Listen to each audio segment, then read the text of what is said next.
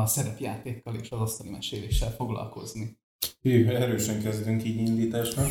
Ezért akartam kezdeni. A, hát rohadt egyszerű egyébként a, az én történetem. Valamikor hat éves koromban apám csinált nekem egy nagy zöld dobozt. Ez azért lényeges ez a nagy zöld doboz, mert ebben a nagy zöld dobozban volt némi asztali szerepjátékos kocka, ilyen szépségek, mint amik itt is vannak. Egy, Nem szexjáték szerep. Egy mágus szabálykönyv, ami ugye az egyik, illetve a magyar uh, asztali szerepjátékkönyv, némi, figu- némi figura, pár darab kártya, és akkor ezzel a szettel így ezt átnyújtotta nekem valamikor hatodik születésnapomon, és onnantól elvesztettek. Tehát onnantól én, én elvesztem a, a, az asztalizás világában teljes egészében, mert, mert abban minden ott van. Tehát abban minden benne van, ami, ami egy könyvolvasásban, filmnézésben, videójátékban, bármiben benne lehet. Tehát nekem az, az, az volt a, a mindent összegyűjtő. Mi az, ami, mi az, ami megfogott benne? Hát akkor picinek az, hogy színes szagos, meg olyan, olyan kalapos. Maga a játszás, vagy a mesélés? Maga a játszás volt először, aztán utána nagyon hamar fordultam én átmesélésre. Egyrészt azért, mert sose volt mesélünk, másrészt azért, mert nem tudom, valahogy, valahogy nekem az jobban kézre áll általában, hogyha ha mesélek, több vele a munka, több vele, a, amit, amit előre föl kell készülni, hogy mit fognak tönkre baszni a játékosaid, de de még az is, amit tönkre vágnak, igen, még, még az is, amit tönkre vágnak, még az is olyan, ö, olyan utána, hogy jó, ezt most tönkre vágták, de kihoztunk belőle valami tök jót. És pont ez a, az élmény az egészben, hogy, hogy mesélsz valamit, csináltok közösen egy sztorit, és ha jól csinálod, akkor a játékosok azok karakterként ebben a világban gyakorlatilag élnek. Ja, Matthew Mercer szokta mondani azt, hogy ez egy olyan feeling, hogy ahogy megy a vonat előre folyamatosan, idegesen pakolgatod előre a sindarabokat, hogy elérjetek valahova. És nagyon sokszor ki is, és nagyon sokszor egyébként ki is siklasz vele, tehát azért van, amikor nem tudod olyan gyorsan követni a, a vonatot a kis sindarakásodban. Akkor mi történik? Akkor, akkor általában azt mondom, hogy na, akkor már itt ennyi elég is volt a játékból, és akkor menjünk, csináljunk valami mást a nap hátra lévő részében. Ritkán szokott előfordulni, de azért elő, elő előfordul az, hogy, hogy nem tudod egyszerűen követni azt, amit a játékosok csinálnak, és nem tudsz olyan gyorsan improvizálni, hogy, hogy tovább tud vinni a, a hmm. sztorit. Steff, te hogy ismerkedtél meg a szerepjátékkal? Én megmondom az őszintét, ugye, hogy bejött a Covid, úgymond. Szerintem abban az időszakban volt az, hogy volt egy ilyen fél éves állásunk a munka kapcsán, és volt ez a kreatív énje az embernek, ami így ki tudott jönni belőle, tudod. És szerintem ez volt az a pont, meg ti, most tehát igazából a Phoenix a közössége, amiben ugye ez így egymásra talált, és ugye meg tudod születni ez a gondolat, hogy akadunk egy saját asztalit csinálni, amit akarunk tesztelgetni, és erre kellettek játékosok. És innen indultunk el úgy, hogy hát életem a mesélő. Én annak idején megmondom, hogy az őszintén játékos akartam. Mm. Nekem ez volt a nagy vágyam, hogy én majd beleérem magam, majd nem tudom, hogy Tehát úgymond téged a szükség szült meg. Igen. Minden, minden Alapvetően így kezd Szerintem a legtöbb mesélő, igen, ezzel így van. Tehát ebben száz százalékig egyetértek.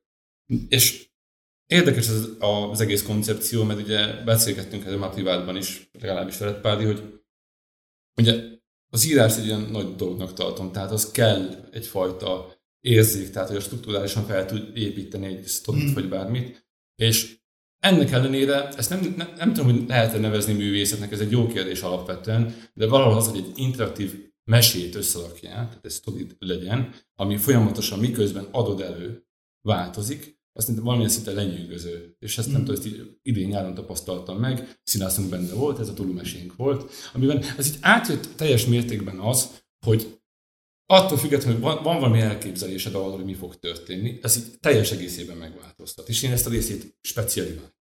Kicsit Tehát... megakasztalak, az, hogy így, hogy beosztatják túlmesénk, egy picit azt szituál nekem, hogy ez a csapat, ami van nekünk, ez micsoda, hogy alakult, mi ez, hogy legyen képe a... Alapvet, alapvetően ugye ez az egész onnan indult, hogy Discordon szépen a Wolfson el szoktunk beszélgetni nálatok, tehát ez a Phoenix Discord, ha valaki esetleg nem tudná, és ott kialakult egy olyan közösség, amiben megvolt ez az inger, hogy akarnánk játszani, tehát ugyanúgy, mint a parti játékoknál is, tehát amikor kártyázunk, vagy összeülünk, vagy bármit csinálunk, rajzolunk, hogy megvolt egy olyan igény, hogy akarunk ennél többet. Tehát társas játékoznánk valamilyen szinten online. És szerintem ez az asztal egy nagyon jó. Ami az igazából nem kell az, hogy személyesen össze tud hozni, mm. tehát ezt online fel tudjuk építeni, össze tudjuk rakni, és elindulni nagyon nehéz volt, tehát ezt nem fogom letagadni, hogy alapvetően tavaly, amikor ez kezdődött, ez nagyon kis lépésekben alatt. Mi volt benne nehéz? Szerintem azt, azt se tudtuk, hogy hogyan kell egy alapvetően egy történetnek a vázát felépíteni. Tehát amikor az, ugye te nagyon korán csatlakoztál be ebbe az egészbe, tehát így a második alkalommal, tehát amikor ment a játék. Igen. Az első az még nagyon... Hogy lett összeszedve a második játékban a karakter? Nem volt benne az a spontaneitás, tudod, tehát húztam ki egy madzagot, és ott felszedték mindig, tudod, mint mm. ezekben a népességben. Mind, tehát, mindenki első játék. Szerintem alapvetően igen. Tehát még akkor színasz nem volt benne. Hát én nagyon későn, tehát ilyen hetedik vagy nyolcadik játéknál jöttem be kár. Igen, igen, ja. utána implementáltuk bele. És az az érdekes egyébként, hogy tehát ez ilyen, ez ilyen megszok, nem, nem az, hogy megszokás, de ilyen, ilyen gyakorlatban így, így sokszor így szokott fordulni, hogy akik első játékosok, azoknak általában az első karakterük, és ez például a Vox Machinának az alapjánál, a kritikárolnál is látszódott, hogy az első játéknál a, a legelső karakterek még úgymond mankókba kapaszkodnak. Igen. Tehát, hogy először mindenki valamennyire viszonylag egy saját magára alakított sablont használ. Tehát a, a tipikus rúg, a tipikus bárd, a tipikus barbár, stb. stb. stb. És ahogy szépen megszokják, meg rádöbbennek arra, hogy hogy a mesélőnek nem az a dolga, hogy korlátozzon téged, hanem hogy alapvetően a világot működtesse és a szabályokat úgymond betartsa, de ettől függetlenül tehát téged is asszisztáljon.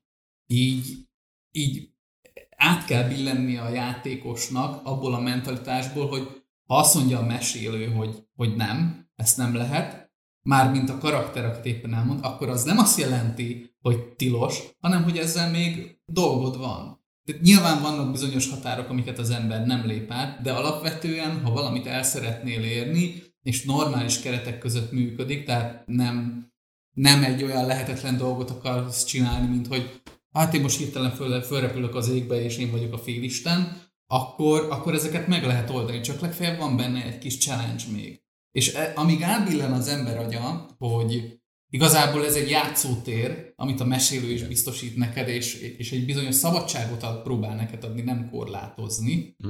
az, az, az, az, egy, az, az egy viszonylag hosszabb folyamat, amíg, amíg úgy komfortosan érzik magukat a, a mesélőnek a világában. Én legalábbis eddig ezt tapasztaltam. Tehát én, amiben ugye mondtad, hogy amikor én beléptem ebbe a játékba, én sem játszottam előtte sokat, tehát akkor már én is szituálom, hogy nekem összvisz előtte két ö, ö, játékom volt. Tíz évvel ezelőtt, ami előtt kezdtük, ö, Nógrádon összeültem egy társas játékos baráti körrel, egyszerűen rendszeresen járkáltunk oda, és a neten van egy, vagy a Facebookon megtalálható a Bertyák István Miniature Painting néven egy srác, aki baromi jó miniket fest, és ő, egy, és ő nekem, a, nekem a régi ismerősöm, ő, ő tartotta ezeket a társas játékos klubokat Nógrádon, mm. és ott akkor, tehát ő mesélte nekem az első yeah. játékomat, és ott én is full ezt a sablon karaktert, hogy hozok egy orkot, aki druida. És alapvetően, de, de kezdőként, meg nekem a mentalitás az alapvetően inkább egy harcos karakter illik, mert nem nagyon állok le tökölni azzal, hogy megtanuljak varázslatokat, meg ilyeneket. Nyilván a legrosszabbat választottam be így, tehát nem is tudtam kihasználni a karaktert, de folyamatosan mindig valamilyen tehát én szeretem az ilyen nature dolgokat, meg az ilyen mágikus vibe és mindig erre felementem, és soha nem működött. Mind a két session, mind a két játékban, amiben játszottak, a másikban is valami, uh-huh. valami ilyen mágikus izé volt, és ott se tanultam meg a szabályokat, és tehát csak egy ilyen félig meddig működő karaktert vittem oda, aki fél naponta pihent egyet, hogy azt a két képességet, amit megjegyeztem, vissza tudjam tölteni, és meg tovább. Az első karakterem az egy, egy paplovak volt ami ugye az angolban a paladin, És hát őrülük annyit kell tudni, hogy egyszerre varázsol, egyszerre harcol, egyszerre nehéz páncélos, egyszerre ö, csapod a nagyon nagyokat, és hogyha nem jól játszod, akkor kifidéznek. Iszonyat módon mi tud fidézni Meg alapvetően ő, hogy őt, hogyha RP-be hozod, az eléggé kötött. Igen. Tehát, hogy nem hozhatsz, tehát beszéltük is a Discordon, hogy kettő véglete van ennek a karakternek, Amerika kapitány meg Doomslayer. Nagyjából. És így ennyi. A És- két, a két paladin. Steff, te neked volt karaktered, akit, vagy Én a fordulommal kezdtem alapvetően, tehát ugye még írásban, és ez egy teljesen másik élmény, nagyon jó, meg igazából megadja valamilyen szinten ugyanezt a szabadságot, de nem ugyanaz, tehát ez a kettő összehasonlíthatatlan, és szerintem színeszebből szerintem egyetértünk. A fórum az, az egy teljesen más állatfaj, tehát az, az gyakorlatilag ott uh, játszani, az én azért mentem fórumra annó, mert hogy gyakorolni akartam a könyvíráshoz. Tehát nagyon más az egész. Azt nézni nem ezért járok. Azt nézni azért járok, mert ott sztori mesélés van, az, az egy ilyen tűzköré üléses témakör. A fórum az olyan, hogy hát igen, történt valami ott valahol a távolban azzal a figurával. A- Az, azzal úgy nagyon kevés kötődésed van ilyen szempontból. Na, mindezt az egészet azért hozom, hozzuk fel, és azért kezdünk innen, mert a mai témánk ugye a Vox Machina. És a Vox Machinának az alapja, a Legend of Vox Machináról beszélünk, ami ugye egy szerepjátékon, egy online szerepjátékon, egy Twitch-en közvetített szerepjátékon alapuló animációs sorozat, a kritikáról alapján készült, és arról egy picit szeretnék érdeklődni nálatok, hogy a kritikáról hoz hogy kerültetek hozzá. Ha hozzá kerültetek, és ezáltal a sorozathoz. Húha. Uh, kritikár volt, azt én konkrétan a, a, a szinkron hangok ala- alapján találtam meg, tehát azok, akik, akik játszanak, ugye ilyenek Matt Mercer, Laura Bailey, ők minden, mindegyikőjük Liam O'Brien, aki Illidannak a, az örök hangja, ők mindegyikőjük valami. iszonyatosan uh, nagy nevek uh, a, a voice acting világban, tehát a, a szinkron Game, gaming, gaming világban, voice acting, meg animációsban főleg. igen. És uh, ugye én ő nekik nézegettem, hogy jó, hát miket csinálnak még, és valahol nem tudom már, hogy milyen, uh, milyen módon valószínűleg YouTube dobta föl, hogy hát ezek így mind benne vannak egy asztali szerepjátékban. Hát mondom, nekem kell. De ezt, ezt én megnézem már csak a, a fan része miatt is. Aztán utána nagyon gyorsan realizáltam, amikor az elején elkezdtem, hogy annyira nem kötött le az eleje, Úgyhogy én már, amikor beszálltam, akkor már éppen fejezték be az első kampányt, kezdték a másodikat. Na és Az más... Underdarkot. Igen, igen. Hát úgy, hogy a, a teljes első kampánynak a végén kb. amikor azt, azzal végeztek, Ja, amikor a Vox a Vox lezárult, igen, Mm. akkor uh, kapcsolódtam be, és ugye akkor, Akkor kezdték el a... egy időben, én is akkor léptem be, amikor izé volt, amikor már Mighty Nine volt. Igen, igen, amikor már második kampányokat kezdték, így Ja. van. Megmondom az őszintét, Pádi, tőled jött ez az egész. Úgy, hogy nem erről beszéltünk konkrétan, hanem az írásról beszélgettünk. Igen, mi rendszeresen beszélünk meg, én neked rendszeresen bombázlak általában, és itt szok, szok, sokszor fel szoktuk emlegetni ugye Matt Colville-nek a nevét, mert ő nekem egy ilyen szívem csücs Twitch streamer, Pontosan, ő a közös É. pontunk. és tehát neki általában, tehát ne- neki is volt egy ilyen kampánya Twitch-en, egy darabig ment a The Chain. És tök érdekes volt, mert rajta keresztül kezdtem el, én például személyesen rádöbbenni arra, hogy a Vox Machina, illetve a kritikáról egyfajta játék, egyfajta Igen. mesélési stílus, ami azokhoz az embereknek, akik viszonylag performatív Igen, személyiséggel rendelkeznek, azok erre tudnak építeni, és nyilván ez közönségbarátabb is olyan szempontból, hogy mivel szeretik produkálni magukat, ezért ezek a, a nézőik szeretik ezt nézni, tehát hogy direkt erre is megy rá az egész. De só, sónak is van megcsinálva. Igen, tehát hogy a- látszik lényege. is, hogy azért emögött most már főleg, hogy már harmadik kampány van, meg nem tudom hány néző, Igen. meg merch is dögivel, tehát hogy azért épül itt egyfajta Igen. fandom, meg bázis, meg látszik mögötte a koncepció, hogy hogy próbálják a közönséget is kiszolgálni, és ettől inkább egy picit, picit most már performatívabb az egész, és úgy látszik rajta, hogy nehezen, de valahogy próbálják balanszolni azt, hogy ők is élvezzék, de közben kifele is szórakoztató legyen. És ebben néha sokszor bele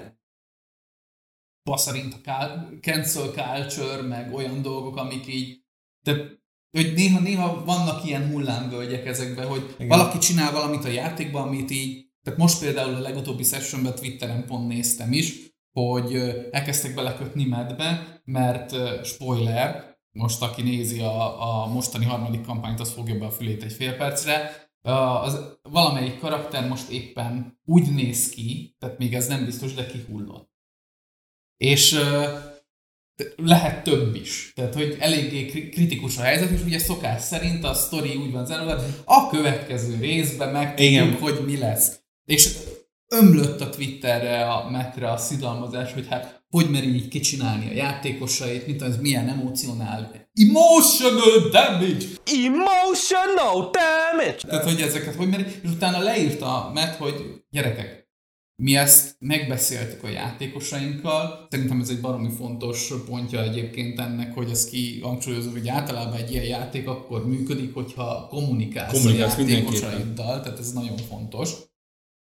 Hogy megbeszéltük a játékosainkkal, föl lett vetve, és ők is kérték, hogy legyen tétje a játéknak, Igen. és hogyha bármi van, föl vagyunk készülve, hogy azokat a lépéseket meglépjük, hogy ha esetleg kiesik valaki, van pótkaraktere, hogy kieshet-e a karakter, vannak opciók, tehát nem egyértelműen meghal az a karakter, hanem beszélnek, kommunikálnak, hogy szeretnéd azt, hogy ez a karakter ez elveszem, vagy is egy másik karakterre játsz, vagy szeretnéd-e valahogy őt visszahozni esetleg. Biztos vagyok benne, hogy az első kampányban, amikor Vax kiesett, akkor azt mondta szerintem Liam, hogy hát én még ezzel a karakterrel szeretnék Igen. foglalkozni. Igen. És akkor bejött a Raven Queen story hogy jó, akkor te leszel a log, és kb. egyébként a csúcspontja lett annak az egész Igen. Igen. szálnak, meg a drámája az, hogy ugye lényegében aki nézi a sorit, az most nyilván és nem látta a kampányt, annak ezek most spoilerek, úgyhogy ezzel vigyázni kell. De nyilván a sztori végére ők összejönnek, Igen. és mivel ott ott van egy ilyen, úgymond egy olyan szerelmi kapcsolat, ami beteljesületlen. Pont amiatt, hogy mivel Vax meghal, és ő a Ravenclaw-nek lesz a lovagja, Igen. ezért ő, ő egy másik síkon, ugye az ő helytartójaként szolgál, és nem lehetnek együtt. És közben Kiki meg ugye elf, és ezért ő több ezer évig él, és a drámája az egésznek az, hogy, hogy végignézi azt, hogy mellette mindenki megöregszik, és elveszti őket. És ennek a feldolgot, tehát ettől ilyen keserédes úgy, úgymond az egész sztorinak a vége, ami egyébként a sztoriba is megjelenik viszonylag, tehát nem magában az animációs filmben is érezhető Igen. az, hogy, hogy nem egy ilyen happy go lucky az egész annak ellenére, hogy humoros, hanem van egyfajta drámája, és mer sötét témákba belemenni. Meg azért azt tegyük hozzá, hogy a, a Vox az alapvetően eleve nagyon durván erbesorolású rajzfilm sorozat. Tehát az, ami annak a, a streaming megfelelője, gyakorlatilag Ez a tévés megfelelő, igen, a igen, igen, igen, igen. igen. Tehát gyakorlatilag... Még azért állítólag azt hiszem egy picit durvább is, mint az R. PC-vel, PC-vel. De ott, ott belemennek olyanba, hogy már az első jelenetben nagyon brutális módokon nyírnak ki NPC-ket, tehát hogy olyan, olyan ezért gorefest megy néha a sorozatban, hogy ez valami elmondhatatlan. Három-négy percenként uh, bazd megolnak, fuck minden, amit akarsz. Tehát, hogy nagyon sokszor, ezt, tehát ezt most azért vezetem csak föl, hogy nagyon sokszor poénforrás is építenek ebből. Tehát, hogy nem csak az, hogy, hogy nem egy ilyen nagyon uh, happy go lucky uh, kategória az egész, hanem rendesen felnőttnek is uh, kezeli azt is, aki nézi, azt is, akik, uh, akik szerepelnek benne, hogy ezzel így tudnak mit kezdeni, és hogyha úgy van, akkor tudnak erre egy poénforrást uh, építeni, vagy tudnak ebből drámát csinálni. Mert megvan mind a két oldala. Van, amikor teljesen poénra van véve az, hogy valakit lefejeznek, meg van, amikor, amikor egy rohadt nagy drámai ezé, jelenet. Igazából egy picit szituáljuk azt, hogy maga a Vox Machina miről szól szerintem. Tehát, hogy lényegében ugye arról beszélünk, hogy van itt, hogy azt tudjuk, hogy ugye miből indul, de alapvetően az alapszító az, hogy van egy, egy nem zsoldos, hogy mondják inkább ezt. Ilyen. Hát kalandozó csapatnak Egy kalandozó csapat, de ők igazából nem, tehát alapvetően ugye a sztori onnan indul, hogy ez a csapat nem feltétlen azért kalandozik. Nyilván a, já, nyilván a játékosok maguk, amikor játszottak akkor, de, de ezek a karakterek nem feltétlen csak és kizárólag a kalandért kalandoznak, hanem elsősorban az van kidomborítva az első pár részben, hogy ők ők a pénzért csinálják ezt. És hát nagyon rá is megyünk, tehát ott az első két epizódot, ha megnézzük, Kilep szóval is te- teszi viszonylag az első 10 percben körülbelül. A, egy 20 perces részben kénytelen, kelletlen, muszájat megcsinálni. Miért vagyunk együtt? És elvileg ez a csapat, ez ugye hosszú évek óta már, ugye legalábbis ezt tudjuk meg, hogy már együtt van. Igen. És ugye ez egy érdekes kérdés, mert ez egy asztaliban, ha rosszul meg vannak megírva a figurák, ez előjön. Hát ez természetes. És, és Igen. ugye ezt beszéltük mi is, tehát hogy Szerintem ez alapból sokszor előjön, tehát hogy én, a mi játékunk is úgy, úgy jött össze, hogy egyébként semmi okunk és indukunk együtt dolgozni. nálunk mind a mai napig szerintem. Mind a mai napig, Mind a mai és, napig. nagyon, és nagyon a karaktereink nem is működnek a játékban úgy, hogy oda megy a másik, hogy te figyelj már, mesélj egy kicsit magadról, szeretnélek megismerni. Amikor- amikor- Megyünk, szétbaszunk minden, és leszarjuk a másiknak, mi baja van. Hogyha valami baja van, akkor maradj már püff, ennyi. Amikor, amikor ilyen van, akkor már általában én szoktam így oda menni olyanokhoz, akik nem beszélnek, hogy valamit, mondj valamit! Igen, tehát volt, dobunk fel néha labdákat, tehát mit tudom én, tehát én is úgy jöttem be, a- visszacsatolva arra, hogy, hogy hogy indult nálunk ez az egész játék, én is úgy jöttem be ebbe az egészbe, hogy ugye nekem azzal a kevés tapasztalatommal, de amennyit, amennyit láttam a kritikáról, hogy hú, ebbe ezt is lehet csinálni, az alapján azt beszéltük, hogy igazából én voltam a csapatban az a fajta katalizátor, aki ugye egy picit meglökte őket, hogy itt egyébként, mint a kiskacsákat, hogy itt egyébként lehet bármit sem. Menjetek szépen játszani, próbáljátok ki. A szabadság részét így a játékosainknak, ugye nagyjából mindenki szinte asztali szűz volt, Igen. ezt te mutattad meg, ez egyértelmű. Azzal a szempontból, hogy te minden olyat megtettél, ami nem volt a történetbe beleágyazva. Egy bar, hát meg egy baromi szélsőséges Igen, karaktert hoztam ilyen figurát alapvetően, igen.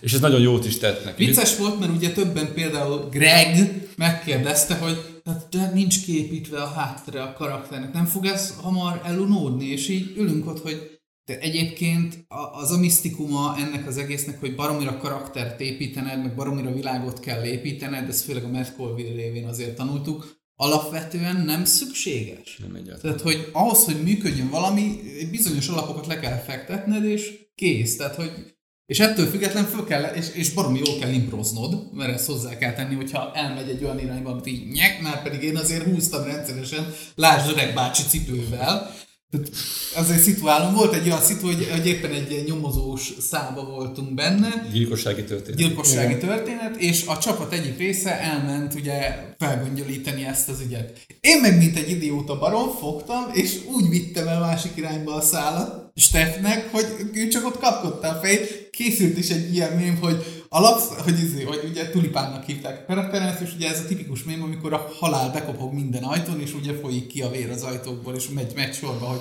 a fősztori, és akkor tulipán volt a halál, az már, az már ott vérzett. Akkor a másodsztori, az is már vérzett. Amit hirtelen kitaláltam, már és már ott kopogok be. Tehát, hogy, Igen. Mert az alapszitu az volt, hogy én fogtam, simán berongyoltam valahol a városba egy öreg bácsihoz, akinek semmi köze nem volt a sztorihoz, alapból, hogyha nem is megyek be, nem is létezne ez a Nem. karakter. Ott született meg a helyszínen. Ott született meg a helyszínen, és így én oda elvittem a nyomozást, hogy elkezdtem őt rákalmazni és fogadni, valójában azért, hogy kiraboljam a francba. Igen. És az volt a durva, hogy egyébként a kockának ugye, tehát nagyon fontos az, és a sztoriba is nagyon fontos, bármint a Vox Machinában is nagyon fontos az, hogy nagyon sokszor a sztorit a kocka, vagyis a, úgymond a véletlennek a substitute ö, pótlása határozza meg azt, hogy merre megy a történet. Ezt helyel közel a kocka határozza meg, nyilván ez is egy behatárolt valami, mert ugye alapvetően... Józan észnek a spektrumán belül, én úgy gondolom. Hát is, meg ugye azért alapvetően számokat dobunk, tehát Persze. bizonyos kereten túl így se úgy se tudsz tovább menni, a struktúra miatt alapból se. De tehát a kockára volt bízva az, hogy megpróbáltam meggyőzni a játékba az öreget, hogy egyébként az a, tehát benéztem az éléskamrájába, találtam ott egy darab kolbász, meg egy pár cipőt, azt hiszem valami ilyesmi volt, és el akartam vinni a cipőt, és megpróbáltam meggyőzni az öreget, ugye, hogy hogy ez a cipő, tehát mivel, nyomozót játszottam, ez a cipő, ez egy veszélyes fegyvernek látszó tárgy, és ezt most elkobzom. És ez annyira hihetetlenül abszurd volt, hogy Steff nem tudott erre, hogy jó van, bazd, dobjál rá. És rádobtam, és azt hiszem 20 volt, vagy valami akkor. Nagyon magas volt. Nagyon magas volt, és, és erre az öreg azt mondta, hogy volt végül is elég hegyes az orra. Hát igen. És ezek ilyen, ilyen nagyon, nagyon jó pluszok ezekbe az egészbe. Nagyon elkanyarodtam, miről beszéltünk. Uh, konkrétan egyébként nem annyira kanyarodtunk el, mert hogyha azt veszed, ez, amit mi most itt szituálunk ezzel a kis asztalis uh, sztorival, ez gyakorlatilag az, ami a Voxot Voxát teszi. Igen. Tehát, hogy, hogy Ja igen, hogy hogy jött össze a csapat, a, a, az kapcsán jött ez az egész. Hogy egyébként tehát nekünk se, nekünk sincs, sincs meg a, csap, a mi játékunkban az a fajta csapatdinamika, mint amit még alapból mondjuk a Vox-ba elvárnának. Mi tényleg ilyen alapmördörhobóként kezdtünk, hogy mentünk, írtottunk mindent, és az az érdekes, hogy a Steff ki tudott ebből hozni egy olyan sztorit, ami most már... Már nem káosz szerintem. Már nem káosz, Meg- és most már, és ki tudtad azt használni, hogy ebből fölvetődik egy kérdés, ami most már nekünk dilemma. Konkrétan 0,5-nek a, a felvetésére gondolok. Van egy szálunk, ugye alapvetően a világod úgy működik, hogy volt benne egy nagy háború, aztán Igen. egy megszállás az egyik féltekében. Igazából gyakorlatilag a fantasy világba becsatlakoztak az emberek. Tehát ez igazából egy ilyen Amerika-Európa. És tehát lényegében akkor ugye Wolféknak a karakterei, ugye Wolfnak meg Pirinek a karakteri, ők az indiánok ebbe a sztoriba, Igen. és mi vagyunk azok, akik bejöttünk Igen. ebbe az egészbe, és most jelenleg ott tartunk a sztoriban, hogy oké, okay, megy ez a káosz, megy ez az őrület, de érezzük azt, hogy egyébként egyre fokozódnak a dolgok, és ideje most már elindulnunk valamerre felé, hogy menjen tovább a sztori. Másrésztben felvetődött egy olyan dilemma, hogy ezek a, a karakterek, akik itt őshonosok, ők nekik joggal vetődik-e fel az a kérdés, és ezzel mi mit kezdünk, hogy ők szeretnék ezeket az úgymond ö, élősködőket, akik ö, leigázták lényegében őket, elüldözni. hát akik bekolonizálták őket. A lényegében kolonizálókat, igen. Tehát, és ez egy tök jó, tehát hogy alapvetően szerintem nem ez volt az alapfelütése neked se, hogy ide eljut a sztori, hanem ez így Nem, és az benne vicces, hogy alapvetően most sem az. Tehát ezt a történetet már nem én írom, hanem ti. Hát ez miattatok indult el a, a figuráitoknak a saját motivációja által. Tehát, hogy amit én írok, és amit, amilyen szárakat dobok nektek, az nem vitt el, legalábbis most per pillanat nem. De az, hogy ez megszületik, tehát azt mondom, hogy akár mennyire lájtos is egy csapatnak a felállása. Attól függetlenül, ahogy telik az idő, annak lesz mélysége. Kiválják. Igen. A játékosok kiválják. Igen, na itt akarok visszacsatlakozni a sorihoz. Ugyanis nagyon érződik a sori ugyanez, hogy, hogy a csapatnak a felütése, a csapatnak a dinamikája, azt, az nem igen működik abból a szempontból, hogy nem értjük azt, hogy hogy jöttek össze, miért vannak Igen. együtt, és miért működik. Viszont alapvetően a sztori, és ez nagyon fontos írásnál, ezt általában szoktam emlegetni, hogy nem azzal építesz karaktereket, hogy elkezded mesélni a múltját, elkezded mesélni azt, hogy régen mi történt vele, milyen drámai, drámai történtek, meghatározod a személyiségét, és bedobod egy szituációba. És ahogy reagál, azzal fog alapvetően az olvasód, illetve a játékosod azonosulni. Ez egy elég visszatérő téma nálunk alapvetően, mert nagyon sok köztünk idézőjelben a művészember. Most valakinél szó szerint, valakinél pedig átvitt értelemben, de mindenki próbál valamit alkotni. A legnagyobb művészember közöttünk Wolf, főleg amikor előkapja a fegyvereit. És De igen, az, hogy a lore építés, hogy az mennyire fontos, ez szerintem ilyen két havonta visszatér. És jövünk, és most már közösen is meg tudjuk mondani azt, hogy ne, nem arra kell építeni. Igen, ez a múltkori szitu, ez vicces volt ilyen szempontból. Nekem alapvetően ez egy, tehát utólag, és ezt a legutóbbi beszélgetésünknél döbbentem erre rá, hogy ez, ez nekem egyébként egy személyes traumám, és azért reagálok ilyen hevesen, és nem veszem észre, és most, amikor fölhívtátok múltkor rá figyelmet, kezdtem el észrevenni, hogy, hogy alapvetően, amikor felvetődik az, hogy egy kezdőíró hatal, tehát általában a kezdőíróiban az, hogy hatalmas világot építünk, tele van írva minden lórral, és általában, és ezt többször is, mit tudom én, Ranzorral is megbeszéltük, más képregényalkotókkal is beszéltük, tehát nálam rendszeresen előjön, mert rendszeresen találkozok új emberekkel, akik sztorit szeretnének írni, mesélni, szeretnének könyvet írni, játszani, valami, hogy, hogy, ők, hogy ők rögtön nagyba gondolkodnak. De alapvetően az a tapasztalat, ami ehhez szükséges, azt Tolkieni szinten kell vinni, vagy Martin szinten. És mind a két ember akkor jutott már erre a szintre, amikor már volt annyi tapasztalata, meg gyakorlata, amikor ez működött. Tehát kezdőként nem kezd, én, én azt szoktam mindenkinek mondani, hogy kezdőként nem kezdünk ö, rögtön nagy sztorival. Ez képregényben levont hogy szokott lenni, hogy figyelj, rajzolj először egy egy-két oldalas. Vagy egy, de ne is inkább egy-két oldalas, mert a struktúrál, struktúrálisan annyira egy tömör dolog, hogy ott már azért kell tudnod annyira az eszközöket, hogy kevéssel el tudj mondani sokat, és az úgy látszódjon, hogy egyszerű. Tehát pár oldalasakkal kell kezdeni, mert ott egy rövid sztorit, ha elmesélsz, és látod azt, hogy hogy tudsz vizuálisan mesélni, látod azt, hogy milyen ö, tett, karakterek melyik tettei, vagy milyen reakciói mit vált ki az olvasóból, abból lassan elkezdesz tudni építkezni a karakterekből, meg abból, hogy milyen szituációba dobod be őket. És amikor, amikor nagyjal kezd az ember, és ezt el szoktam mondani mindenkinek, akkor általában csak a sztori veszik el ebbe az egészbe. Ugyanis nagyon fontos az, és ugye itt nyilván megint a Matt Colville-t fogom idézni, nagyon fontos az, hogy alapvetően a lore az száraz rizsa. Lehet, hogy érdekes, meg, meg szereti az ember írni, de hogyha könyvet ír az ember, akkor, akkor ahhoz, hogy ezt be tudja fogadni az olvasó, érzelemre van szüksége, és feszültségre.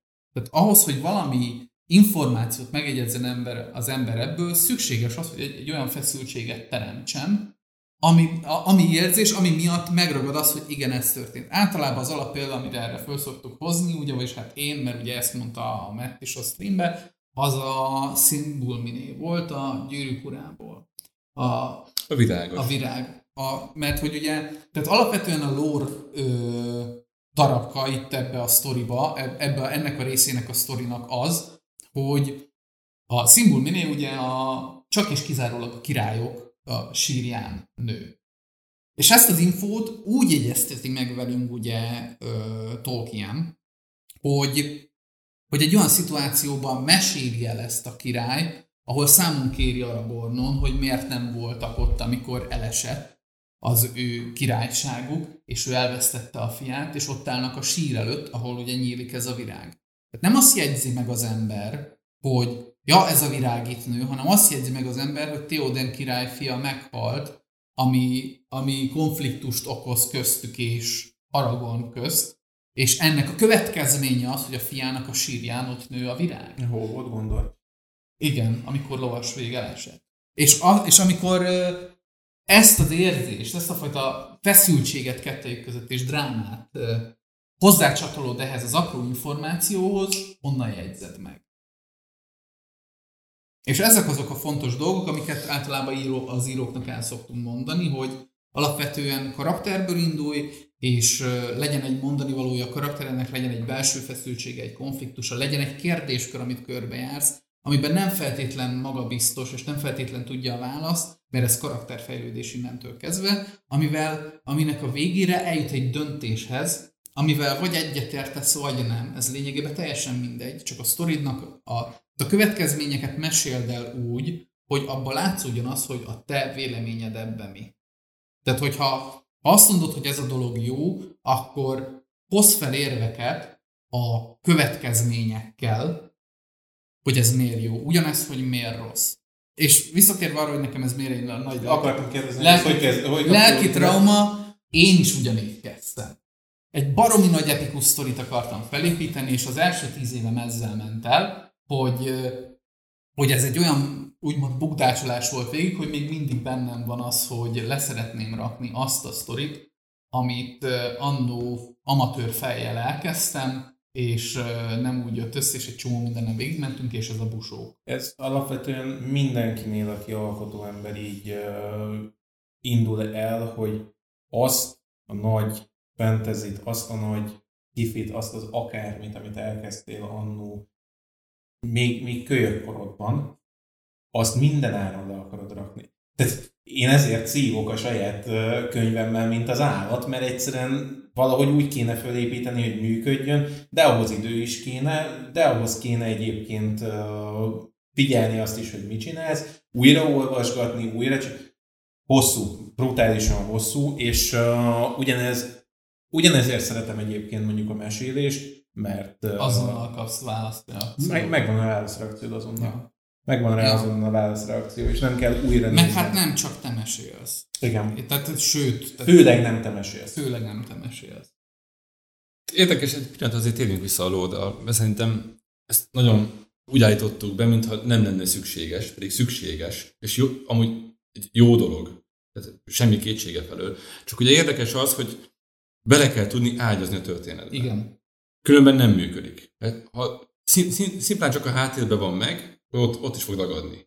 És ugye ez a legtöbb kezdőíró ezt felejti el. Legalábbis akikkel beszélgetünk így. Igen. Tehát, hogy egy, egy, egyre többen mindig az jön elő, hogy mindig van egy grandiózus világ, ott mindent tudunk, az összes, összes kontinensek hogy alakultak ki, mit tudom én, de amíg ezt nem tudjuk a történetbe ágyazni, hogy ez hogyan fog oda becsatolódni, addig értelmetlen. Erre egyébként én azt szoktam, hát nem szoktam, de már most egy párszor fölmerült bennem ez a, a gondolat, hogy alapvetően az összes uh, sztori, meg minden, uh, amit alkotsz, amit írsz, az olyan konkrétan, mint egy, uh, mint egy, mint egy pisztoly vagy egy puska. Ha nincsen benne egy sztori történed, amivel rá tudsz lőni az olvasóra, Meg nincsen megcélozva. meg nincsen megcélozva. akarsz mondani, Tehát, hogyha, ha, csak, ha csak így fogod, eltartod valamerre és elsütöd, hiába van egy jó sztorit, hogyha nem találsz el vele semmit, akkor teljesen fölöslegesen csinálod. Ugyanez, hogy hiába van ott a fegyvered, mint lór, azzal maximum annyit tudsz megcsinálni, hogy megfordítod az egészet, és agyonvered vele az olvasót. Igen, ha Tehát, nem hogy- tudod elsütni. És azért ez mondjuk hozzá